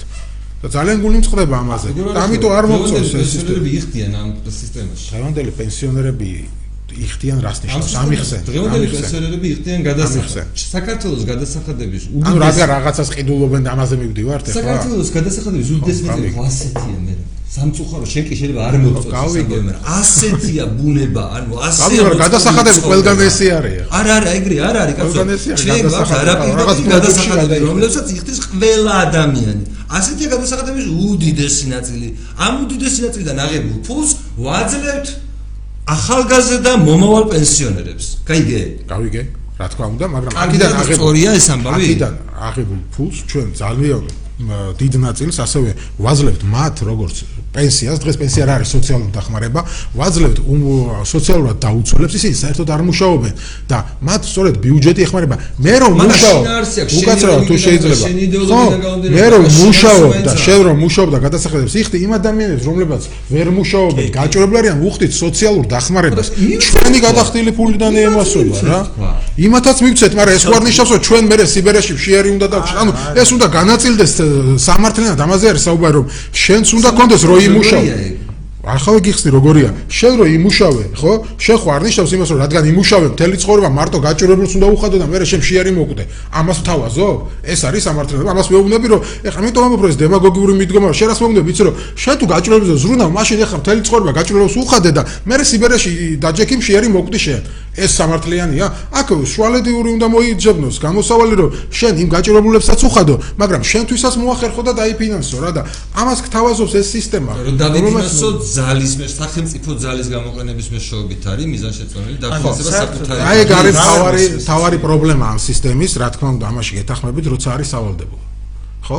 ეს თავარი პრობლემა არის ამ სისტემის და მინუსი არის, რა თქმა უნდა. თუ ეს თუ ამაში ერთ-ერთი თავარი პრობლემა გეთახმები ამაში, მაგრამ მე ამ შემთხვევაში აა მესვის სახელმწიფოსი რაღაც მომენტში. მესვის იქიდან გამომდინარე, რომ რო უყურებ ახლა რეაქციებს ამ რეფორმაზე, აა მე რასაც უყურებ, ხალხის ეს დამოკიდებულება, რომ აა აუ ეხა მესა ვიღაცას რატო უნდა ჩამომაჭან 2% ისე ტირიან ამ 2%-ზე ხო გადასახადს იხდიან თვეში რა ვიცი 200 ლარს 1000 ლარიდან ეს არადარდებთ ეს 2%-ზე იმ ხელა ამბავი ატყდა და ისე ტირიან რომ თითქოს ამ 2%-ით იქცევა ქვეყანა და ის რაც მოყვება მე ამ 2%-ს რამდენი იქნება პენსია ეს არავის არადარდება ყველა წერს იმის შესახებ რომ ვაიმე ეს 20 ლარი დამაქცევს თურმე დამღუპავს რაღაცა მოხდება და შედეგად ვიღებთ იმას რომ ისეთი პროპაგანდა აგორდა რომ ამ საპენსიო სისტემაში არავინ არ ჩაერთვებოდა საერთოდ არ ჩართებოდა. გამოდის რომ ჩვენ ახლა ეს საპენსიო რეფორმა რო დაგვეწყო 20 წლის წინ. 20 წლის წინ. ხო, 20 წლის წინ რო დაგვეწყო, 30 წლის წინ რო არ ვიცი, თქვა თქვა 2003-ში 2004-ში რო დაგვეწყო. უფრო წინ ვიქნებოდი ჩემი აზრით რა. 90-ში რო დაგვეწყო. ხო, 90-ში ვერ დაიწყებდი, იმიტომ რომ არაფერი სისტემა არ არსებობდა საერთოდ. სადღაც 2000-იანების დასაწყისში ან რაღაც. ანუ უფრო წინ ვიქნებოდით, მაგრამ ყოველთვის ამ საპენსიო რეფორმას რამდენჯერ იყო საუბარი? მახსოვს რომ ჯერ კიდევ ვარდების რევოლუციამდეც იყო დაგროვებით პენსიაზე საუბარი. ამ რეფორმას მაგრამ ყოველთვის გადაიდო, გადაიდო სწორედ ამ მოტივით რომ ვიღაცები გამოდენ წინააღმდეგ ის ასე არა, ასასე ფული დაიკარგება, მე მაგის არ მჯერა და ყოველთვის ჩავარდა, თორე ადრე რო დაწყებულიყო, უფრო მეტ ადამიანს მოუწევდა. დღეს ვინც არიან პენსიაზე, შეიძლება მათაც რგებოდათ რაღაც ამ რეფორმიდან. დღეს ჩვენ კიდევ თუ ამას გავხდით ნებაყოფლობით, მივიღებთ რომ რეფორმა ფაქტობრივად არ გატარდება, ჩავარდება რა. ამიტომ ამიტომ ვამბობთ რომ არჩევანი გვაქვს ცუცა და უარეშორის რა და ჩემი აზრით უარესი იქნებოდა თუ ჩავარდებოდა ეს რეფორმა საერთოდ. ესეთი რა. აი ეს ფული რომელიც კაი გავიარეთ ის ნაწილი რომ ვერ ვერ ვიგებთ ანუ შინაარსზე არ აქვს იმას რომ ეხლა თქვა თუ ვიღაცას რაღაცა უნდა ვინაიდან არ არ აქვს საერთო დათვლის ინსტრუმენტი და არ ვიცით ვერ ვითვლით მაგრამ კითხავ აი ამ პერიოდის განმავლობაში როდესაც ეს ფული სადღაც უნდა დაგროვდეს. და შესაბამისად ჩვენ თითოეულ ადამიანს გვჭირდება რწმენა რომ მაგალითად ბანკში რო ფული მიგაქვს ხო გესმის რომ ამ ბანკში ანუ რაღაცა დეპოზიტზე რო დებ პასუხისგებლობა ფულის მოვლა პატრონობის და ასე შემდეგ ასე გადაიტანე ბანკზე. მას შენთვის დამტკიცებული აქვს თავისი რეპუტაციით რომ ჯერჯერობით ქართულ ბანკებს არ გადაუგდიათ კლიენტები არ გაქცეულან არაფერი არ მომხდარა ეს მე კითხვა მაქვს იდეაში ორივესთან მაგრამ ამ შემთხვევაში ცოტნესგან დავიწყებ რა რომ ანუ რანაირად შეიძლება საქართველოს მოსახლეობას მას მე რა ჩვენ გამოვიარეთ ანაბრების დაკარგვა, პენსიების დაკარგვა, რაღაცა უცნაური ბანკების გაქრობა და ასე ბევრი რაღაცა გამოვიარეთ. მას შორის რაც ვიცით, ანუ ინტერნეტი არსებობს და ვიცით, რომ უკვე თანამედროვე პერიოდში ევროკავშირის ქვეყნებში, ჩვენზე უფრო დემოკრატიულ, ჩვენზე უფრო ცივილიზებულ პოლონეთში, ჩვენზე უფრო ასე ვთქვათ, უნგრეთში მსგავსი ტიპის სახელმწიფო ფონდებს ჰქონდათ რისკები. ანუ რა გვაძლევს ჩვენ იმის საშუალებას რომ 25 წელი მინიმუმ ჩავთვალოთ რომ საქართველოსი ყველა შემდგომი მთავრობა იქნება იმდენად წესიერი რომ არაფერს მსგავს რაც გააკეთეს პოლონეთში, უნგრეთში, რა საპენსიო პრობლემებიც აქვს სხვა ქვეყნებს ჩვენ კონკრეტულად არ დაგვემუქრება. ო ეს ესეთი რწმენა რომ კონდეს სინამდვილეში არც იძულებული იძულებული არ იქნებოდა ეს პროგრამა და სახელმწიფომა ძალიან კარგად იცის, რომ ჩვენ ამის არ წამს. იმიტომ რომ ჩვენ გვაქვს ჩვენ ადამიანები, ჩვენი გამოცდილებები სწავლობთ, ზოგადად სახელმწიფო შეცდომებზე ჭუას ვერ სწავლობს, მაგრამ ადამიანის სწავლობს. ჩვენ ვაკურდებოდით ამ 25 წელს დამოუკიდებლობის და არ გვაძლევს ეს იმის თქმის საშუალებას, იმის იმედს, რომ ამ სახელმწიფოს მომდენ 25 წლის განმავლობაში შეიძლება ჩვენი ფული ისე აკონტროლოს, რომ מחეიროს. სახელმწიფო ეხლა ძალიან ბევრი ამაზე არის პასუხისგებელი ხო? მათ შორის ჩვენს ფულზე იქნება ესღაც ინფლაცია ასე და ასე შემდეგ ხო? მაგრამ ეროვნულ ბანკს ვერ ვენდობით. ვერ ვენდობით ვერაფერს ეს სახელმწიფო შუქოსები და ეს რაღაც სიპები ეხლა რომ წაგებაზე მილიარდიანი წაგებით რომ და ეგ ხო ჩვენი ფულია აი რა განსხვავება მაგ ფულსა და მაგალითად საპენსიო ფულს შორის? შინაარსობრივად რა განსხვავება? ხო არაფერი. კი თუ შენ შეგიძლია ჩვენ თუ ჩემი ფული შენს ჯიბეში უკეთესად ფუნქციონირებს, უკეთეს ფულს შობს, ვიდრე ჩემსაში, მაშინ დღეს განხორციელებული პროექტები რატო ვერ აკეთებენ იგივეს? ხო. რატო ვერ შვება თქვენი გონება დღეს კარგად და რატო იზავს სამომავლოდ? ეს კითხვები მიჩნდება. მეორე მხარეს არის ბანკები. რომლებიც ვიცი რომ ბანკების სექტორი ერთ-ერთი ყველაზე სტაბილურია და კარგია და რაღაც კონკურენტუნარიანია მათ შორის სხვა ქვეყნების თან მიმართებაში კარგი საბანკო სისტემა მოხდა. რა აძლევს ამ ადამიანების იმის თქმის საშუალებას რომ მათაც კი არ შეუძლიათ ჩემი სიბერემდე შემინახონ ფული. ისინიც კი არ იღებენ ამ ტიპის პასუხისგებლობას. ადამიანები რომლებიც ამ პრაქტიკით რასაც უკვირდებ უკეთესად მართავენ ფულს, უკეთესად ესმის ეს სექტორი, მათი საქმეა ეს. მაგრამ ისინიც არ იღებენ ამაზე პასუხისგებლობას, როცა ისინი რაღაც ფულის კეთებაზე არიან ორიენტირებულები. მომგებიან ბიზნესი აი რას აინახე ცოტნეს და თქვა ჩემი დამოკიდებულება გასაგებია. არც არაფერს. არც არაფერს. შენ არაფერს.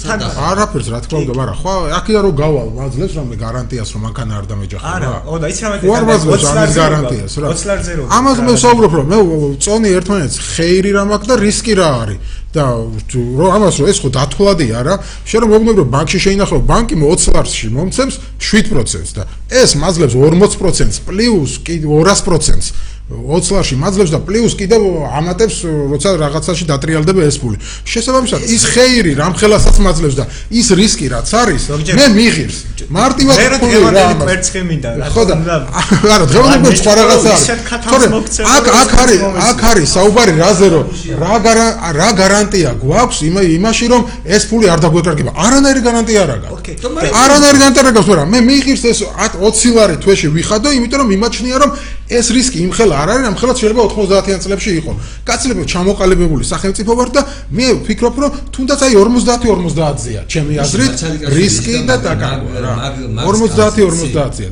ამიტომ თუ დამეკარგება ეს ჩემი კი ბატონო, ადამიანი მოკლეს მძინარე. ხო. ამ სახელმწიფო, რომელსაც შენ ენდობი. არ გეუბნები რომ ვენდობეთ მე კი არ ვამბობ რომ დარწმუნებული ვარ მეთქი რისკს ვხედავ მაგრამ მიღირს ეს რისკი ამ 20 ლარს არ ვფიქრობ რომ ეს 20 ლარი შანსია 20 ლარიდან მიიღო 7%-ზე მეტი შანსი თუ დავდებთ მე ხა 20 ლარი ვალო და ბარსს თამაში დავდო. რაზე? ანუ შეთვის კი შეთვის ხო მაგრამ ხვარო დადო შეიძლება 200 წააგო ეგრე ხო არა? ხო და შეთვის ხო 50-50-ად აქ 50-50 ც არ არის 20 და 20 ლარი და ხვალმე შემიძლია ფული გავაკეთო, იგივე ალბათ ხო, ყოველთვის ვერ გააკეთე, ყოველთვის ვერ გააკეთე. დღეს ბარსა მოიგებს, ხვალ წააგებს. მოგეთ, მაგაში თანხდებით, ხო? მაგაში თანხდებით. თანხდებით რომ ოკეი. არა, 100% ვერავის ვერ ენდობი, ანუ შენ თავს ვერ ენდობი 100%-ით, ხო? კიდევ ერთხელ ვიმეორებ, ხა შენ მაგალითად იმის გამო რომ პარიზი ნახო, დაუშვათ. შენ არა, ზოგადად ვიძახი, ადამიანი იმის გამო რომ პარიზი ნახოს, რისკავს საკუთარი სიცოცხლით და ჯდება თვითრინავში. ხო, რამდენი ეხა რისკი მისი რომ ჩამოვარდე და ვერ ჩაახტვე პარიზამდე, მაგრამ პარა პარიზის ნახვის გამო სიცოცხლით რისკავდა. ეს 20 ლარი რა გახდა თვეში ამ დედავატი და მე შემიძლია რომ 20 ლარით გავრისკო თვეში, რომ მე მქონდეს, აი 1400 ლარი პენსია თუნდაც. ანუ იმა რაღაცას დაემატოს ეს 1400 ლარი. ეს 1400 ლარი დაემატება ჩემს საბაზისო პენსიას, იმას რომ ბინას გავაქირავებ, იმას დაემატება და პლუს 1400 ლარი მექნება. არა, არა. მიღირს ეს 20 ლარიანი რისკი და რატო გახდა ეს 20 ლარი ამხელა ტრაგედია თვეში 20 ლარი რომ ვაიმე ეხლა ჩემს 20 ლარს შეჭამ სახელმწიფო. აი არა ეხლა თუ დათვლი ესე კი ბატონო გასაგებია ხო ხა გადაამრავლო უნდა რა ეხლა უცებ არ გამიმრავლებია გაამრავლო 20 იქნება თუ 2 ანუ მან იზიაში ხო ის რწმენა რომ თითოეულ ლარს მე უკეთესად ვაბერვებ ვიდრე ისტორია მაშინ რასაც უკეთესად ვერა 200%-იან მოგებას ვერ ნახავ ვერსა 20 ლარში 200%-იანს 40 40-ზე რატო არო 100 რატო არ ვინ? 200 იქნება კაცი რამდენი გაქვს? ბევრი ფული უფრო ბევრი ხო ხელფასი რამდენი წეგარო ლაპარაკობთ? უბრალოდ აი იდეაში შენთან არის სუ კამათის რეჟიმი რა მე რაც არის ჩემთვის ძალიან ტკინეული და ძალიან შემაწყვეტი ჩვენ გვიყვარს საუბარი. ხო კაი უკაცრავად მაყვა შენთან გამოგვდის კამათი რა მაგრამ არ მომწონს რა. აი წარმოიდგინე ეს რაღაცა. შენ 20 ლარზე ამბობ აქ ხო სინამდვილეში არის სინამდვილეში 60 ლარი 1000 ლარზე რეალურად საუბარი. ხო მაგრამ ჩემი 20 ლარი ის რო არ გვეყოს აი ჩვენ თუ კარგია ხო ჯობია რომ მოდი 60 კი არა იყოს 300 მაგალითად. ხო შენ მე ხო რაღაცა უნდა დაგრჩეს რა. ანუ თუ ეს კარგია თქვა ცოტა მეტი რო იყოს აი მაგალითად ხვალ რო შემდგომმა ხელისუფლებამ რომელიც უკვე უკვე ეს კანონია უკვე გროვდება მაინც ახლა გამოითვალეს და არ ყოფნის. აი მე შემდგომ მე რა მეტრეველს რომელსაც მოწონს ეს სქემა უბრალოდ არაკმაყოფილებს პენსიის რაოდენობა და იძახის რომ კიდე მეტი მინდაო შევიტანო რა. ხვდები? და ნუ ესეთი ადამიანების მოთხოვნა ყურად იყო მთავრობამ და ნაცვლად 2-2-2%-ის გააკეთა, ნაუ 20%. შენი აზრით, ანუ ეს ხო უკეთესი იქნება, კიდევ უფრო უკეთესი იქნება, უკვე 1400 კი არ იქნება, რაღაც 5000 ლარს იქნება რა. რატო არ იქნება? იმიტომ არ იქნება, რომ აქ უნდა იყოს თანაფარდობა. მე დღეს ხელფასიც ხომ ჭირდება ცხოვრების. კარგია და მაგალითად 16 არის ვარ. იმიტომ რომ თანაფარდობა არსებობს, ხო, მე ხო ხელ ჩემი ხელფასი უნდა გავანაწილო, არა? 100000 ლარი რომ აქვს, მე მაქვს მიმდინარე ხარჯები, ბავშვის სწავლის ფული მაქვს, საჭმლის ფული მაქვს, ბინის ფული რაღაცა მაქვს, ისა მაქვს, ესა მაქვს და ეხლა შენ თუ ნახევარ ხელფასს წაიღე პენსიაში, ასეთი პენსია რა მინდა, ხო? ამიტომ არსებობს გონივრული რაღაც ზღვარი რა. შეიძლება თქვა ვიდაოდ 2% იყოს თუ 3% იყოს, მაგრამ 2 იყოს თუ 40% ამაზე ვერ ვიდავდეთ. ხო, მაგრამ ეცი ამერიკაში მაგალითად საშემოსავლო გადასახადი დაიწყო 2%-ით. 2%-ზე იყო დიდი დავა და არსებობდნენ ალბათ ადამიანები შენნაირი, რომლებიც ამბობდნენ 1905 წელს. ხო, მაშინ ახლა პური ღირდა ამერიკაში 1 ცენტი და დღეს ღირს 2 დოლარი. რა შუაში რა შუაშია სპანაირად იყო ფული 2% ღირებულობა ქონდა რა რა შუაში პროცენტებზე არა კი ბატონო ეს ზოგადად გეუბნები ხელფასი იყო? ნომინალურ რაოდენობას აზრი არა აქვს როცა პროცენტს აქვს კი ბატონო გეთახმები მაგაში გეთახმები. მადლობა. ანუ თუ ეს ესე არის ესე 2% დაიწყეს და დღეს შეიძლება ვიღაცას პროგრესული გადასახადის ხარჯი ქონდეს 40% ანუ შენ უშვებ რომ ჩვენ მათ შორის ამ პანდორას უცხსნით ხო? რატო ეს ხო ყველაფერი მე არის 2% და რა რა შეუშლის ვინმეს ხელს ხვალ თუ მოეჩერება პოლიტიკურად მომგებიანად რომ ეს პროცენტი არ გაზარდოს და არ გახდეს 15%. მასე კიდე ერთხელ მე ჩვენ შეგვიძლია ჩვენ შეგვიძლია საკითხი დავაყენოთ ესე რომ რაში უშლის თავრობას ხელს რომ ხვალ გადაძოს რაღაც სხვა გადასახადები. ან ადგეს და რაღაცა რაღაცა ცეცხლი წაუკიდოს რაღაცას თავრობა, მაგრამ რას ხო რაში უშლის ხელს? ამ ამრის ამას ვამბობ რომ არანაირ რისკებისგან ჩვენ დაზღვეული არა ვართ. სამყაროში არ არსებობს 100%-ით რაღაცა დაზღვეული ყურა. ამ თავრობას შენ ირჩევ. შენ ირჩევ. შენ ირჩევ ამ თავრობას და შენ თუ ჩათვლი რომ იმან გადაწყვიტა რომ ისე ზღვარზე აიყვანოს ეს პროცენტი რომ რომელიც ჩვენთვის აღარ გაწყოს მე დღეს მომწონს 2% როა თორე 40 რო გახდეს მოაგდებ თუ რას ის არჩევნებზე ხვას აღარ მივცებ ამ თავებას თუ რა მარტი არ ეგ სხვა საკითხია ჩვენ მომბობ როგორ მუშაობს დემოკრატია ასე უნდა მუშაობდეს რომ შენ რაღაცა გააკეთა თორემ დღეს მომწონს. მე მე რა მეტრებელს 2% როა კიდე ერთხელ კი არ მომწონს უკაცრავად. მიღირს. ეს 2% გავრისკო მიიღებს ასე ვამბობ, თორე კიდევ რომ ბევრ რაღაცაში გეთახმებით, რაც ნაკლია ამ სისტემას. მიიღებს ეს 2% გან, ხვალ თუ მოვა და მეტყვის 30% უნდა ჩამოგაჭრაო, მე ვიტყვი აღარ მომწონს. რას იზამ? რას ქვია, რას ვიზამ, კაცო, არ დავეთახმები და აღარ მივცემ არჩევნებზე ხმას. რა რა უნდა ვქნა, მეტი რა მერკეტი მაქვს მოკალო. ხო და მაგაში ესაქმე რა, რომ მაგაში ესაქმე. ეხლა როცა უჭერ ხარს, აი მე ვერ ვიტყვი რომ არ მომწონსო? რატო ვერ ვიტყვი? ანუ ისი რა არის? ანუ ეს არსებული დღეს რაც აპენსია გვაქვს დემოკრატიულ ნაწილში უფრო ხშირად ამბობდა ცოტნე თავი.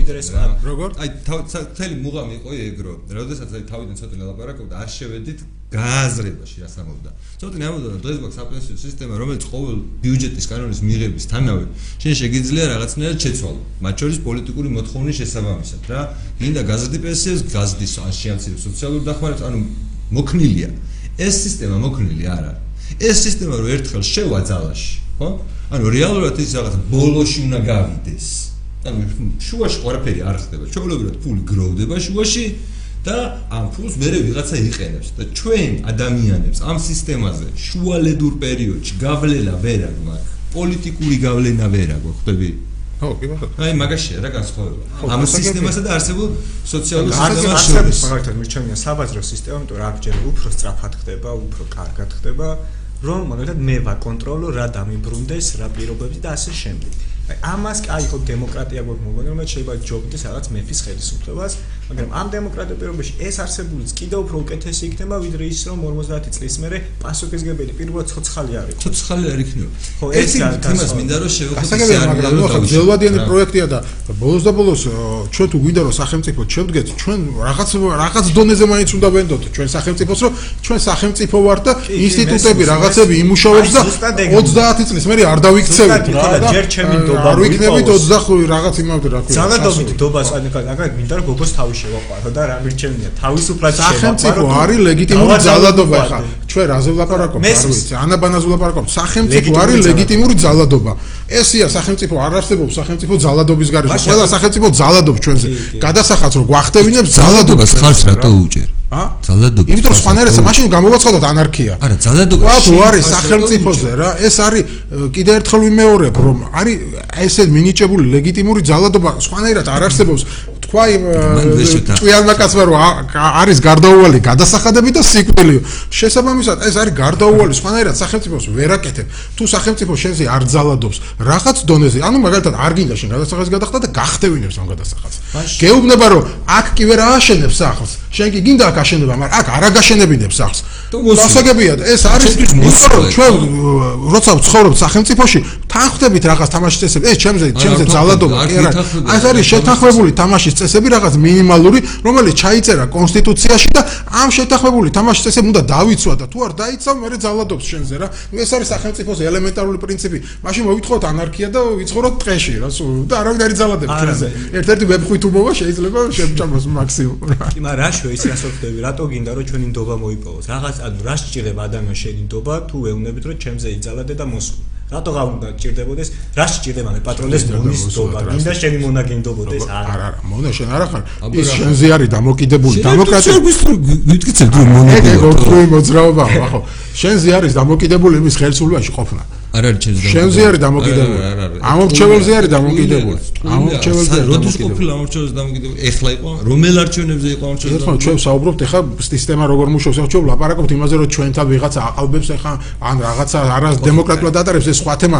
ზოგადად სისტემა როგორ მუშაობს? სისტემა ასე მუშაობს რომ ხო არ ვიცი ხა ხოფსი და ლოკი წავიკითხოთ თავიდან თუ რა გავაკეთოთ. ან სისტემა ასე მუშაობს რომ ადა ხო ლოკს მიყვეთ. კი ადამიანები თანხმდებიან რაღაცა უსიტყვოდ რაღაც თამაშის წესებზე და ამ თამაშის წესების პრინციპი არის მე რომელიც ყველა უნდა ავასრულოთ და თუ ვიღაც ამ თამაშის წესებს არ ღვევს, მაგრამ შენ თუ არ ღვევ, მოდის და მთავრობა დაგჯის შენ, ხოლო თუ მთავრობა არ ღვევ, შენ მიდიხარ და შენ დასჯი მთავრობას, ანუ გაუშვებ ხელისუფლებიდან. ეს არის სისტემა, როგორც მუშაობს. როცა მთავრობა არის watchdog-ი, იძახდა. როცა მთავრობა არა ცუდი მთავრობა ყავს ეგ სხვა საკითხი. არა, ცუდი მთავრობა ყავს, საკითხი. აი, ლოქსზე მე თემა ლოკი ლოკი ძალიან ნაცხენი იქნებოდა თუ ნახავდა რომ ვერავინ მეტრეველი ეს რა მაგარი დარაჯი სახელმწიფო თუ დაიწყე და პენსიის ჩვენთვის ართება და სიბერისთვის მოცემა პენსიამდე ნუ დავიყვანთ მე ვამბობ რომ სისტემა როგორ მუშაობს ხო ეს სახელმწიფო ხო ახსენე ხო ახსენე ხოფსიც ახსენე ხო ხოფსიც ახსენე არც ერთ და არც მეორეს არ მოსული არასოდეს თავში აზრად რომ სახელმწიფოს აიღოს სოციალური პასუხისმგებლობა არა არა სოციალური პასუხისმგებლობაზე არ გელაპარაკებოდი ახლა მე გელაპარაკებოდი ძალადობაზე ვლაპარაკობდი სხვა თემაზე ვლაპარაკობდი სხვა თემაზე გადავ ლეგიტიმურ ძალადობა თამაშის წესებზე ვლაპარაკობდი ერთი მნიშვნელოვანი საკითხია აქ გარდა იმისა, რაც შენ ახლა ეს ყველაფერი მოგეწონა, სახელმწიფო თან თავრობამ გითხრა, რომ ამასო მარტო სოციალური ფუნქცია კი არა აქვს ამ პროექტზე. ამ პროექტის შინაარსი საერთოდ სხვა რამეაო. და ეს საერთოდ სხვა რამეო არის ისე, რომ მე უნდა განვავითარო კაპიტალის ბაზარიო. მოკლედ, რომ ვუთხრათ საფინანსო სისტემა და კაპიტალის ბაზარი რა არის, მოკლედ მარტივად უნდა შეიძლებაოდესო ამ ქვეყანაშიო სესხის აღებაო რა ბიზნესებისთვის. საიდან რომ მოვიდეს მარტივად ასაღები გრძელი ლარი. გრძელი ლარი, ხო? ანუ სინამდვილეში ვინაიდან ჩვენ ესე ვიღაცისთვის მისაბარებელი ფული როგორც ჩვენ მართებულად ამბობდი არა გვაქვს. და თუ გვაქვს ძალიან ძვირი ასეთი ფული. სახელმწიფომ გადაწყვიტა რომ ჩვენ ყველას გამოგვართვას ეს ფული და იაფად მიცეს ვიღაცას. ეს ვიღაცა ამ იაფი ფულით შემდგომში უფრო მეტ პროდუქციას შექმნის და შესაძლოა ანუ ორი კურსლის დაჭერას აპირებს სახელმწიფო მარტივად შენი შენი აზრით ხო აი ამ ამ ლოგიკასთან მიმართებაში შენ ფულს თელიან წლების განმავლობაში სხვა ადამიანები გამოიყენებენ თავისი ბიზნეს ამას კიდე პლუს გადაწყვეტს აი კანონში რაც წერია აი პროცედურების შესაბამისად სახელმწიფო თუ ვის მისცეს? ძირითადად შეიძლება თვითონ ისეცხოს ჩემი ეჭვი ასეთია. ან ბანკებს რაღაც საუბარია რაღაც ფასიან ქაღალდა პირველი სამი წელი იდეაში სესხულობს და კანონშიც ესე წერია რომ ყველაზე უფრო ნაკლებ რისკიანად მიიჩნევა ფული, რომელსაც ამ ფონდიდან ისესხებს თავრობა. ან ეგ არის ყველაზე ნაკლებ რისკიანი ამ ფულის განთავსების გზა. ვიდი? და შეკითხვა მაქვს, შენ როგორ მიგაჩნია ამ მთელი соусის ფარგლებში რაც მოყევი ლოკზე, სოციალურ-პასუხისმგებლობაზე, კონტენტში ამიხსენებია გადასახადების და ძალადობის ადამიანს და ჩვენს მონობას. ამაზე რომ მოყევი, შენი აზრით, აი ამ ფულის მიერ ვიღაცა ტიპების მიერ სახელმწიფოს ხელდასხმით 25 წლის განმავლობაში უპასუხისმგებლობა და იაფად გამოყენება. შენი აზრით სამართლიანია? ხო, მოდი ახლა ამ ამ საკითხს მივუდგეთ მეორე მხრიდან. აბა რომელია მეორე? ჩვენი მიზანი რა არის დღეს? მარტო ის ხარ არის მიზანი, რომ ვთქვათ რაღაც პენსია დავაგრო. ადამიანების თუ ვისი, ანუ სოტნესი ადამიანები. არა, სახელმწიფოს. არ ფეხებზე კიდე არ ვიცი ვინ არის სახელმწიფო, შენიც და მე არ ვიცი. შენ ცხოვრობ ამ სახელმწიფოში. არა, არა, მე არ ცხოვრობ ამ სახელმწიფოში ისე როგორც შენ, იმიტომ რომ მე ამ სახელმწიფოსთან მეტყვი ჩემი აზრი გამაჩნია. მეც გამაჩნია ჩემი აზრი. არა, ხო და მე ამ ამ თავრობაზე გამაჩნია ჩემი აზრი და არ მომწონს ეს თავრობა. თუ ამაზე მეკითხე. ვიძახი რომ მონავარ მეთქი. არც არ ვიძახი რომ მონავარ, გასა. და ამბობდი რომ ვარო და. საერთოდ ვამბობდი რომ მონავარ. და მაგზნობინო რა სისულელი ეხა რატო ვაკეთებ ესეთ ინტერპრეტაციას? სადაც ვამბობდი რომ მონად მაგზობ მე ვამბობდი რომ სახელმწიფოს აქვს ლეგიტიმური უფლება ჩვენზე ძალადობის მინიჭებული თუ ჩვენ დავარღვევთ თამაშის წესებს. დაგვიჭიროს გადასახადი გადასახადი თუ ის დაარღვევს თამაშის წესებს ჩვენ შეგვიძლია ის გავაგდოთ. ეს არის ორხრივი მოძრაობის ისა. ამიტომ მე ვი არა ვარ მონა. მე თავისუფალი ვარ რა. მე მივეცი ეს უფლება გადავეცი მას ჩემინებით.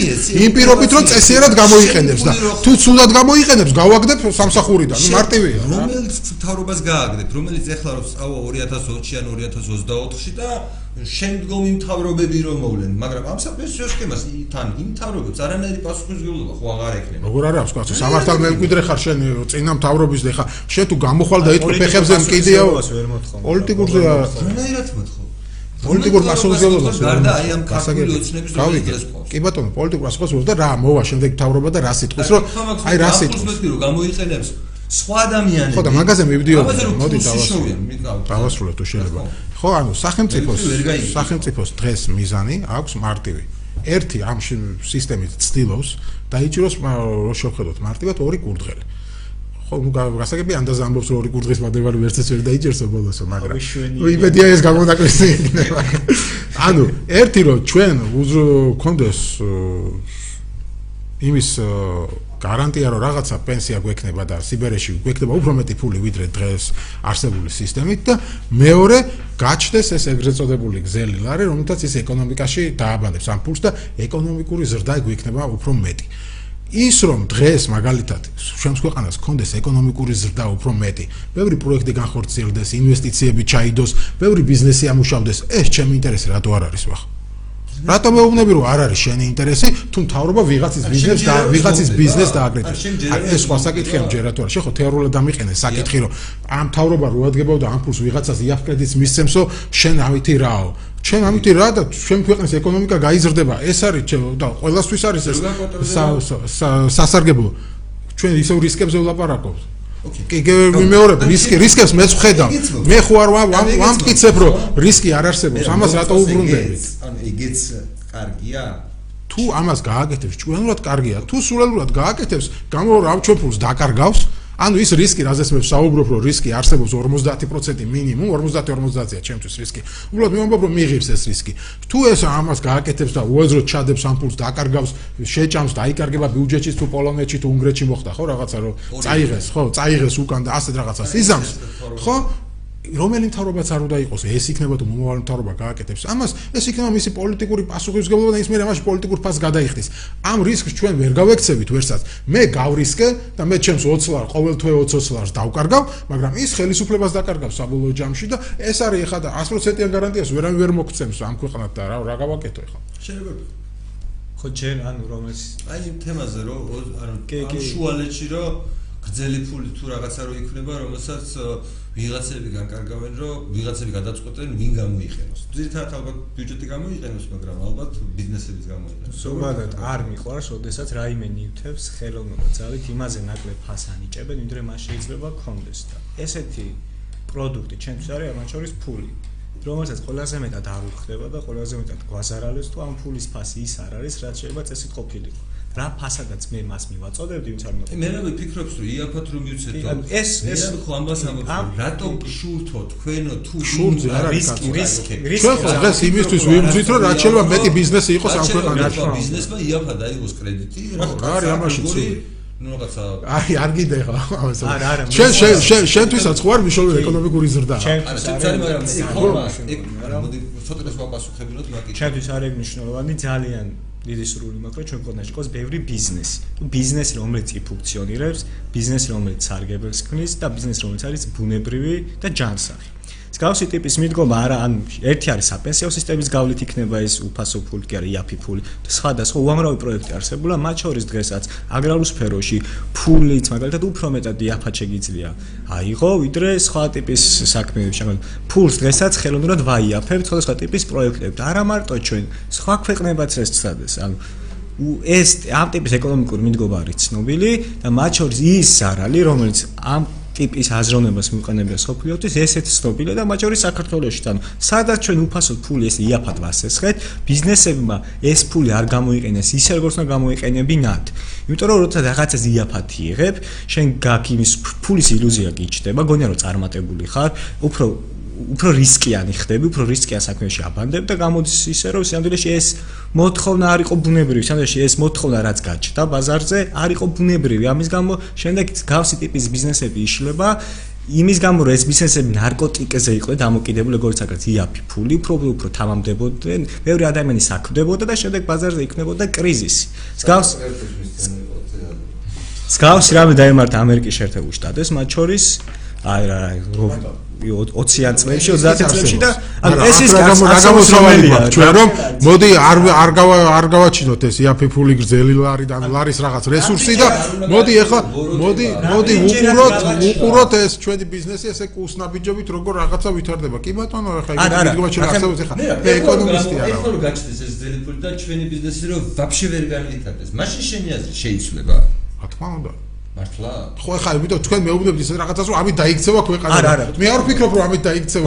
მე ვფიქრობ რომ პირიქით განვითარდება. ნახოთ რა რა გაამართა. რო ამოვიღოთ ხო? უბრალოდ საინტერესოა ახლა ეს თავრობა რამდენად ჭკვიანურად გააკეთებს ამას. იმის რისკი რა თქმა უნდა მეც ვაღიარებ რომ ამ თავრობამ სულელურად გააკეთოს და სადღაც ისეთ რაღაცაში ჩადოს ეს ფული რომ მართლაც დაიკარგოს. კიდევ ვიმეორებ ამის რისკს მეც ვხედავ და ამიტომ 50-50-ზე ეს რისკი ჩემთვის არ ვამბობ რომ ახლა ამ თავრობას ვენდობი თუნდაც 80%-ით რა. მაგრამ აი ასე 50-50-ზე უყურებდა. მე პირადად მიღირს ეს რისკი. გაამართლებს თუ არ გაამართლებს მე ალბათ მომავალი გვიჩვენებს რა. მოდი ახლა ამ ამ სისტემით რა ხდება ხო? ახლა მე დაშინა მაგიდას 20 წლს და მოდი ახლა მოვილაპარაკო. აი ვისაუბროთ ზოგადად რისკი შენი უფრო ობიექტურია თუ ჩემი რასაც მე ვხედავ. მე მგონია რომ ძალიან დიდი რისკია რომ ეს არ დამიბრუნდება და შენ თვლი რომ დაგიბრუნდება. როდესაც გრძელ ფულზე ვსაუბროთ, მაშინ შევხედოთ, ჩვენ ხო ვერ ვიმსჯელოთ, დაწყვეტს ვერ გამოვიტანთ, რაღაც ქმედებებს თუ არ შეხვედეთ და აქედან გამომდინარე შემიძლია ჩემი რისკები გავსაზღვრო. და თუ ამ შემთხვევაში ანუ როგორ თანხდებით რისკს, ანუ ვერ ხვდები, როგორ არის შენთვის ეს რისკი იმდენად დაბალი რომ რისკავ, ჩემს არის ძალიან დიდი, იმიტომ რასაც ახლა ვაკვირდები, ამიაფი ფულით ვერც ერთი პროექტს ვერ დამისახელებთ, სადაც იგივე ლოგიკის, იგივე მექანიკის პროექტი განხორციელებულა, იაფი ფულით ბიზნესი უკეთებიათ და ვერც ერთ ნაწილში ვერ გაამართლა. რატო არის 40 50 50 და რა 90 10-ზე? სტატისტიკა რომ რაღაცა იაფი კრედიტით რამდენი საწარო ამუშავდა, იქიდან რამდენმა გამართლა, რამდენი დაიხურა. მე როგორც ვიცი, უმეტესობამ გაამართლა, შეიძლება ერთი ან ორი დაიხურა. შენ შეგვიძლია ეს სტატისტიკა ვნახოთ, ალბათ არ ვიცი, სამინისტროს ვებგვერდზე იქნება რა. საბოლოო ჯამში ბანკი გავაუქმოთ და რატომ გავაუქმოთ? ამ ამ ბანკების გავლით ხდებოდა ამის დაკავება. ბანკების გავლით ხდებოდა. ისე არა. არა, რაშუში ბანკი იყო ინსტრუმენტად გამოყენება. ეს კიდევ სხვა თემაზე ვლაპარაკობთ ახლა, ჩვენ საბურავთ იმაზე, რამდენად ღირს თქვა სახელმწიფო დაეხმაროს ბიზნესს თუ არ დაეხმაროს. ამაზე ალბათ უფრო კომპეტენტური ეკონომისტი უნდა მოიწვიოთ. მე ამაზე პასუხი არ მაქვს ასეთ ნათელი. არა, არა, ყველაფერს კომპეტენტური ნამდვილად არა ვარ და არც საპენსიო რეფორმაში ვარ კომპეტენტური. უბრალოდ მოვედი იმისთვის, რომ მე თქვა, რომ მე პირადად როგორც რიგით მოქალაქეს მიღირს. მიღირს. კი არ მომწონს მიღირს, რომ 1000 ლარიდან 20 ლარი გადავიხადო. იმ რისკად რა რისკებიც თქვენ ჩამოთვალეთ. ეს 20 ლარი ამ რისკად მიიღებს. უბრალოდ ანუ რაღაცა ის არ გიჩდება ხოლმე რომ როცა სხვა ადამიანის ფულსაც ეხება საქმე იმას თუ არ უღირს იმ სისტემაში ერთად ჩავებას და ამ სისტემას პატივიცე ვენდო და დავრელო და ერთ ვიღაც ადამიანსაც არ ენდობოდნენ ისიც ჩემთან ერთად იყვნენ. რაღაც პროტესტის გრძნობა ხო პროტესტის გრძნობა კიდევ ერთხელ მეორე. არსებობს ამ სისტემის თავარი ნაკლი კიდევ ერთხელ მეორე არის ეს იძულება მაგრამ აქ კიდევ ერთხელ მეორე. ასეთი არჩევანის წინაშე დგას თავრობა დღეს. ან ეს რეფორმა საერთოდ არ უნდა გაკეთდეს ან ეს უნდა იყოს არა ნებაყოფლობი თუ ნებაყოფლობი თუ იქნება დარწმუნებული არავინ არ ჩაერთვება და ნუ სისტემაც არ იმუშავებს რა. იმიტომ რომ აი ასეთი დამოკიდებულება არსებობს ხო ვისაუბრა ამ შესახებ ზოგს რაღაც მითების ჯერა ზოგს ზოგს ჯერა იმისი რომ ისო 90-იან წლებში ვართ და ყველაფერი დაიკრება. ზოგი ფიქრობს რომ ეს 20 ლარი ისეთად მნიშვნელოვანია რომ თელ ცხოვრებას დაუნგრევს ეს 20 ლარი თუ დაკარგა და ამის გამო არ ჩაერთება ნუ არ ვიცი 1000 მიზეზია ადამიანებს. შესაბამისად ეს რეფორმა თუ გვინდა ანუ კიდევ ერთხელ რითის დავიწყოთ დავასრულებ. ჩვენ გვაქვს ავირჩიეთ ცუცსა და უარეს შორის კიდევ ვიმეორებ, ეს არ არის სისტემა, რომელიც ჩვენ ვთქვათ, რომ ეს არის იდეალური, იმიტომ რომ როცა რაღაცა ძალით გაკეთებინა, ის ვერ იქნება იდეალური. მაგრამ სხვა გამოსავალი რა არსებობს აქ, იმის ჩვენ უნდა ვტკეპნოთ მაშინ ერთი და იგივე ეს ადგილი, ერთი და იგივე და მე 20 წლის მერე დარწმუნებული ვარ ისევ ამ სისტემას დაუბრუნდებით და მე 20 წლის მერე ვიტყვით, რომ მოდი ახლა გავაკეთოთ დაგროვებითი პენსია. თუ რაღაც ნაწილში გჯერა, რომ ნუ თუ სახელმწიფო ვერ შევა, ჩვენ გადავირჩევთ და ესე და ესე პასუხს ვაგებინე. თუ თვით რომ ამ ადამიანის მითების ჯერა მით ადამიანს რომელსაც მითების ჯერად ესეთი არის უმრავლესობა და ამის გამოა რომ მასზე ძალადობა მოსულა. ამ მითების დამჯერებელ ადამიანების არჩეულ თავრობას რატო ენდო? მაგას როგორ ჩავაბარო ფული? სხვა რაგზა გვაქვს ახლა. სხვა რაგზა გვაქვს ამ შემთხვევაში. თავრობას იჩევს ქართველი ხალხი რა. და შენ ქართველი ხალხი ხალხი რომელსაც მითების ჯერა. მითების დამჯერებელი ხალხი. ხო და ჯერათ რომ პერეკისით უკაცრავად წყალბადის ჟეზანგით რაღაცა ნუ ჯერათ ეხა ესეთია ქართული ხალხის და არა მარტო ქართული ხალხი ბევრი. ჯერათ რომ წყალბადის ჟეზანგით თუ ახლა ჯერათ მითების ხო, რა გრიპს უშველებს რა. და მაგრამ ეს ხალხი ხალხი ირჩევს მთავრობას. გადაირჩევს. ეს ეს ხალხი ხო და ირჩევს ხე ხელისუფალი არის ყოველთვის არ მუშაობს ძალაუფლებაზე ხო და ძალაუფლების წყარო არის ადამიანი ვისაც ვიცის ჯერა ეს ეს ადამიანი ეს პოლიტიკოსები გამოლედა გამოუყო დემოკრატია. მითებს დაპირდებია თუ გამოლედა საღაზრს ჩემრე თუ ესე ვარ ხალხი გამოლედა მითებს დაპირდებია და მითებს საბოლოო ჯამში ხო როგორ არის შენ შეგიძლია რაღაცა ხალხი რაღაც ეტაპზე ატყუო ატყუო მაგრამ ბოლოს ვერ მოატყუებ რა რამდენი ხანი მოატყუებ ამ ხალხს ხო არ მიყვარს ეს გამოთქვას და ხალხი ბრძენია მაგრამ საბოლოო ჯამში მიუხედავად იმისა რომ ამ ხალხის დიდი ნაწილი რაღაც მითების ჯერა და ზოგს რაღაც ისულელების ბოლოს როცა დგება კრიტიკული მომენტი იღებს სწორ გადაწყვეტილებას და დემ- დემოკრატია როგორც თქვა ჩერჩილმა თქვა ხო თუ არ ვცდები რომ არ არის საუკეთესო ფორმა მაგრამ ამაზე უკეთეს ვერაფერ ვერ მოვიგონებთ ამაზე არის საუბარი რომ კი არ არის ეს იდეალური ასეთი ფორმა მართლობის მაგრამ ეს არის საუკეთესო რაც დღეს გვაქვს. სხვანაირად არ გამოდის მაშინ ჩვენ რა ვქნათ რაღაცა დავაწესოთ შეზღუდვები და არჩევნებში მონაწილეობა მივაღებინოთ მარტო იმ ხალხს ვისაც მითების არ ჯერა ან ვისაც რაღაც IQ-ს კოეფიციენტი აქვს თუ რა გავაკეთოთ. ასე ფაშისტურად არა, ხო ვერ არა, მიუძგებია მაქსიმალურად უნდა შევამციროთ ის სამა სამა ხო ვერ მიუძგებია უნდა შევამციროთ მაქსიმალურად ის სამართლებრივი სისტემა. ვინც ფულს ეხტის ხო უპასუხისმგებლო დემოკრატიასი როგორ ნუ საერთოდ კი ბატონო დააყენეთ ცოტა რამეზე მიიღო გადაწყვეტილება როგორც მინიმუმ მეს რომ მაინც ქნა და მათ შორის აი ვისაც ახლა ვაციტირეთ ვიც დემოკრატია ვისაც უყვარდა იმათა ძალიან ეშინოდა და იცახდა რომ მოდი ამ დემოკრატიას გადავაწყვეტინოთ ისეთი რამის დაცვა მხოლოდ და მხოლოდ როგორც ვთქვათ საკუთრებას გასაგებია და ასე შემდეგ მეორე მაგრამ ნუ ამ ეტაპზე სხვა უკეთეს თქვენ თუ მოიგონებთ აი მოდი ესე გავაკეთოთ რა, ანუ რეალურად ჩვენ რაც ეხლა ამ ერთ საათზე მეტია საუბრობთ ო, ამ თემაზე. ჩემთვის სამწუხაროდ არა არა არა ლამაზად ვაკეთებთ ამას. ხო მაგრამ აბადეთ უბრალოდ ემოციური ვარ ხოლმე და ესე რაღაცა წყნარად ვერ ვერ ვლაპარაკობ არა, სინამდვილეში საწყლარად სალაპარაკო, მართლა დასათვლი ახლა მე რომ ცოდროდა რომ სინამდვილეში შენ კა- კალკულატორს მოეტონე, მე არ დამითვლია მართლა ახლა როგორ ჩვენ დათვალე ეს 1400 რაღაცა ლარი. ნუ ეს არის ოფიციალური საიტი ეხლა მე რომ დავითვალო როგორ თქვა ეს 4%-იანი ინფლაცია შეიძლება მაგიდან გამოვიდეს ჯამში რომ რაღაცა 100000 ლარიდან შემიგროვდა 150 ლარი დღევანდელი ფასებით. ანუ კი ბატონო მაგრამ მუდმივ ფასებში რა. დაუშვათ ეს 1000 ლარი არ არის გამიკეთებია. 150 ვინმე არ ლარი. გამიკეთებია უბრალოდ მე რა მაგის ლაპარაკიც კი უაზრობა როცა არ ვიცით მუდმივ ფასებში მაგ 1400 ლარის შინა ხო გაგეკეთებინათ მე ეს კალკულაცია არა ხო მე არ ვიცოდი მეთქი და ანუ ჩვენ ხო საბრძოლოდ არ შევიკრიბეთ არა, ჩვენ არა. შევიკრიბეთ რომ გაგვეგო რამე. ხო, მაგრამ ამის გარეშე როგორ უნდა გაიგო? თუ არ დათვალე, გაიგე. მე რა ეგ გვაბლებს იმიტომ რომ მაშინ მითხარი 1400 ლარი რაც შენ დათვალე რამდენია დღევანდელ ფასებში? ხო ეს კიდევ ნუ დასაანგარიშებელია რა ინფლაციასთან დაკავშირებით. ხო და მაგაშია საქმე და ანუ ჩვენ ჩვენ ამ შემთხვევაში რამოდენიმე უსამართლობასთან გქონდა პრობლემა. ერთი სავალდებულობა რომელიც ჩვენ დაგვიდასწორე რომ კი უსამართლოა მაგრამ ამის გარეშე არ გამოვაო მეორე გქონდა იმასთან დაკავშირებით რომ ძალიან ისეთი ეჭვი გვაქვს საღაზრთან ახლოს ეჭვი გვაქვს რომ ვინაიდან რამდენი ხნის განმავლობაში ჩვენ ნორმალური მთავრობა არ ყოლია და ვისაც ჩვენზე უფრო ნორმალური მთავრობა ვიყავს მსგავს პროექტებში ვის მათ უნგრეთს ყავს ჩვენზე ნორმალური მთავრობა? არა მარტო. ჩვენზე უარესი მთავრობა ყავს უნგრეთს. მე თუ მკითხა. ჩვენზე ავტორიტარი და ასე შემდეგ. ოკეი. ნორვეგიელმა პენსიონერებმა რო დაკარგეს ა, 2008-ში პენსიები? არ არ ვიცი. არ იცი ხო? ანუ ეგეთებიც არსებობს, ანუ არსებობენ ბევრად უკეთესი ქვეყნები, რომლებსაც მათ შორის საპენსიო სისტემები აქვს შეიძლება უკეთესი, მაგრამ ისინიც ზოგადად კარგავენ აი ამ დაგროვებითი პენსიებს, იმიტომ რომ ეს არის კაპიტალის ბაზარი. ანუ ეს არ არის უბრალოდ სოციალური პრო- პროექტი, ეს არის ეკონომიკური პროექტი. და აქ როდესაც სხვა საწყვეტინებ, აი სხვა როწყვეტავს შენს ნაცვლად, ხო? შენ უბრალოდ ვაფშე ანუ მაგას ხია, წერა მონობარო დაგვუძახ, მაგას ხია, რომ ვიღაცა წყვეტს შენს ნაცვლად. და მეორე რაც ვერ მაგრამ გადავწყვეტ. სახელმწიფო ქვია. ვერ გადავწყვეტეთ ის, რომ ანუ სწორია თუ არა, ანუ სამართლიანია თუ არა, რასაც შენ ამბობ, რომ 200%-ს გიმატებო რა, ანუ 200%-ს გიმატებს და ასეო მე მაწყობსო. ჩვენ პრობლემა იმაში გარკვევ რომ გაწყობს თუ არ გაწყობს. ჩვენ პრობლემა სამართლიანია თუ უსამართლო და ამაზე პასუხი ვერ მივიღეთ შენგან. ანუ ეს გვაინტერესებდა რეალურად. ანუ შენ როგორც ერთი ადამიანი, მე რა მეტრენელი, მე შენს თანამოქალაქეს, მე ვახო მეგრელიშვილს და ცოტნე კობერიძეს, ადამიანებად მივიჩნეთ თუ მზად ხარ რომ ხელისუფლების მეშვეობით თავს მოგვახვიო შენი ნება. არ არის ესე კიდე ერთხელ ვიმეორებ ჩვენ იგივე საკითხს ხო, ეს გავიგეთ, ჩვენ ხელისუფლება ეს არის რომ თავს გახვით აი მაგალითად ავიღოთ მარტივი საკითხი.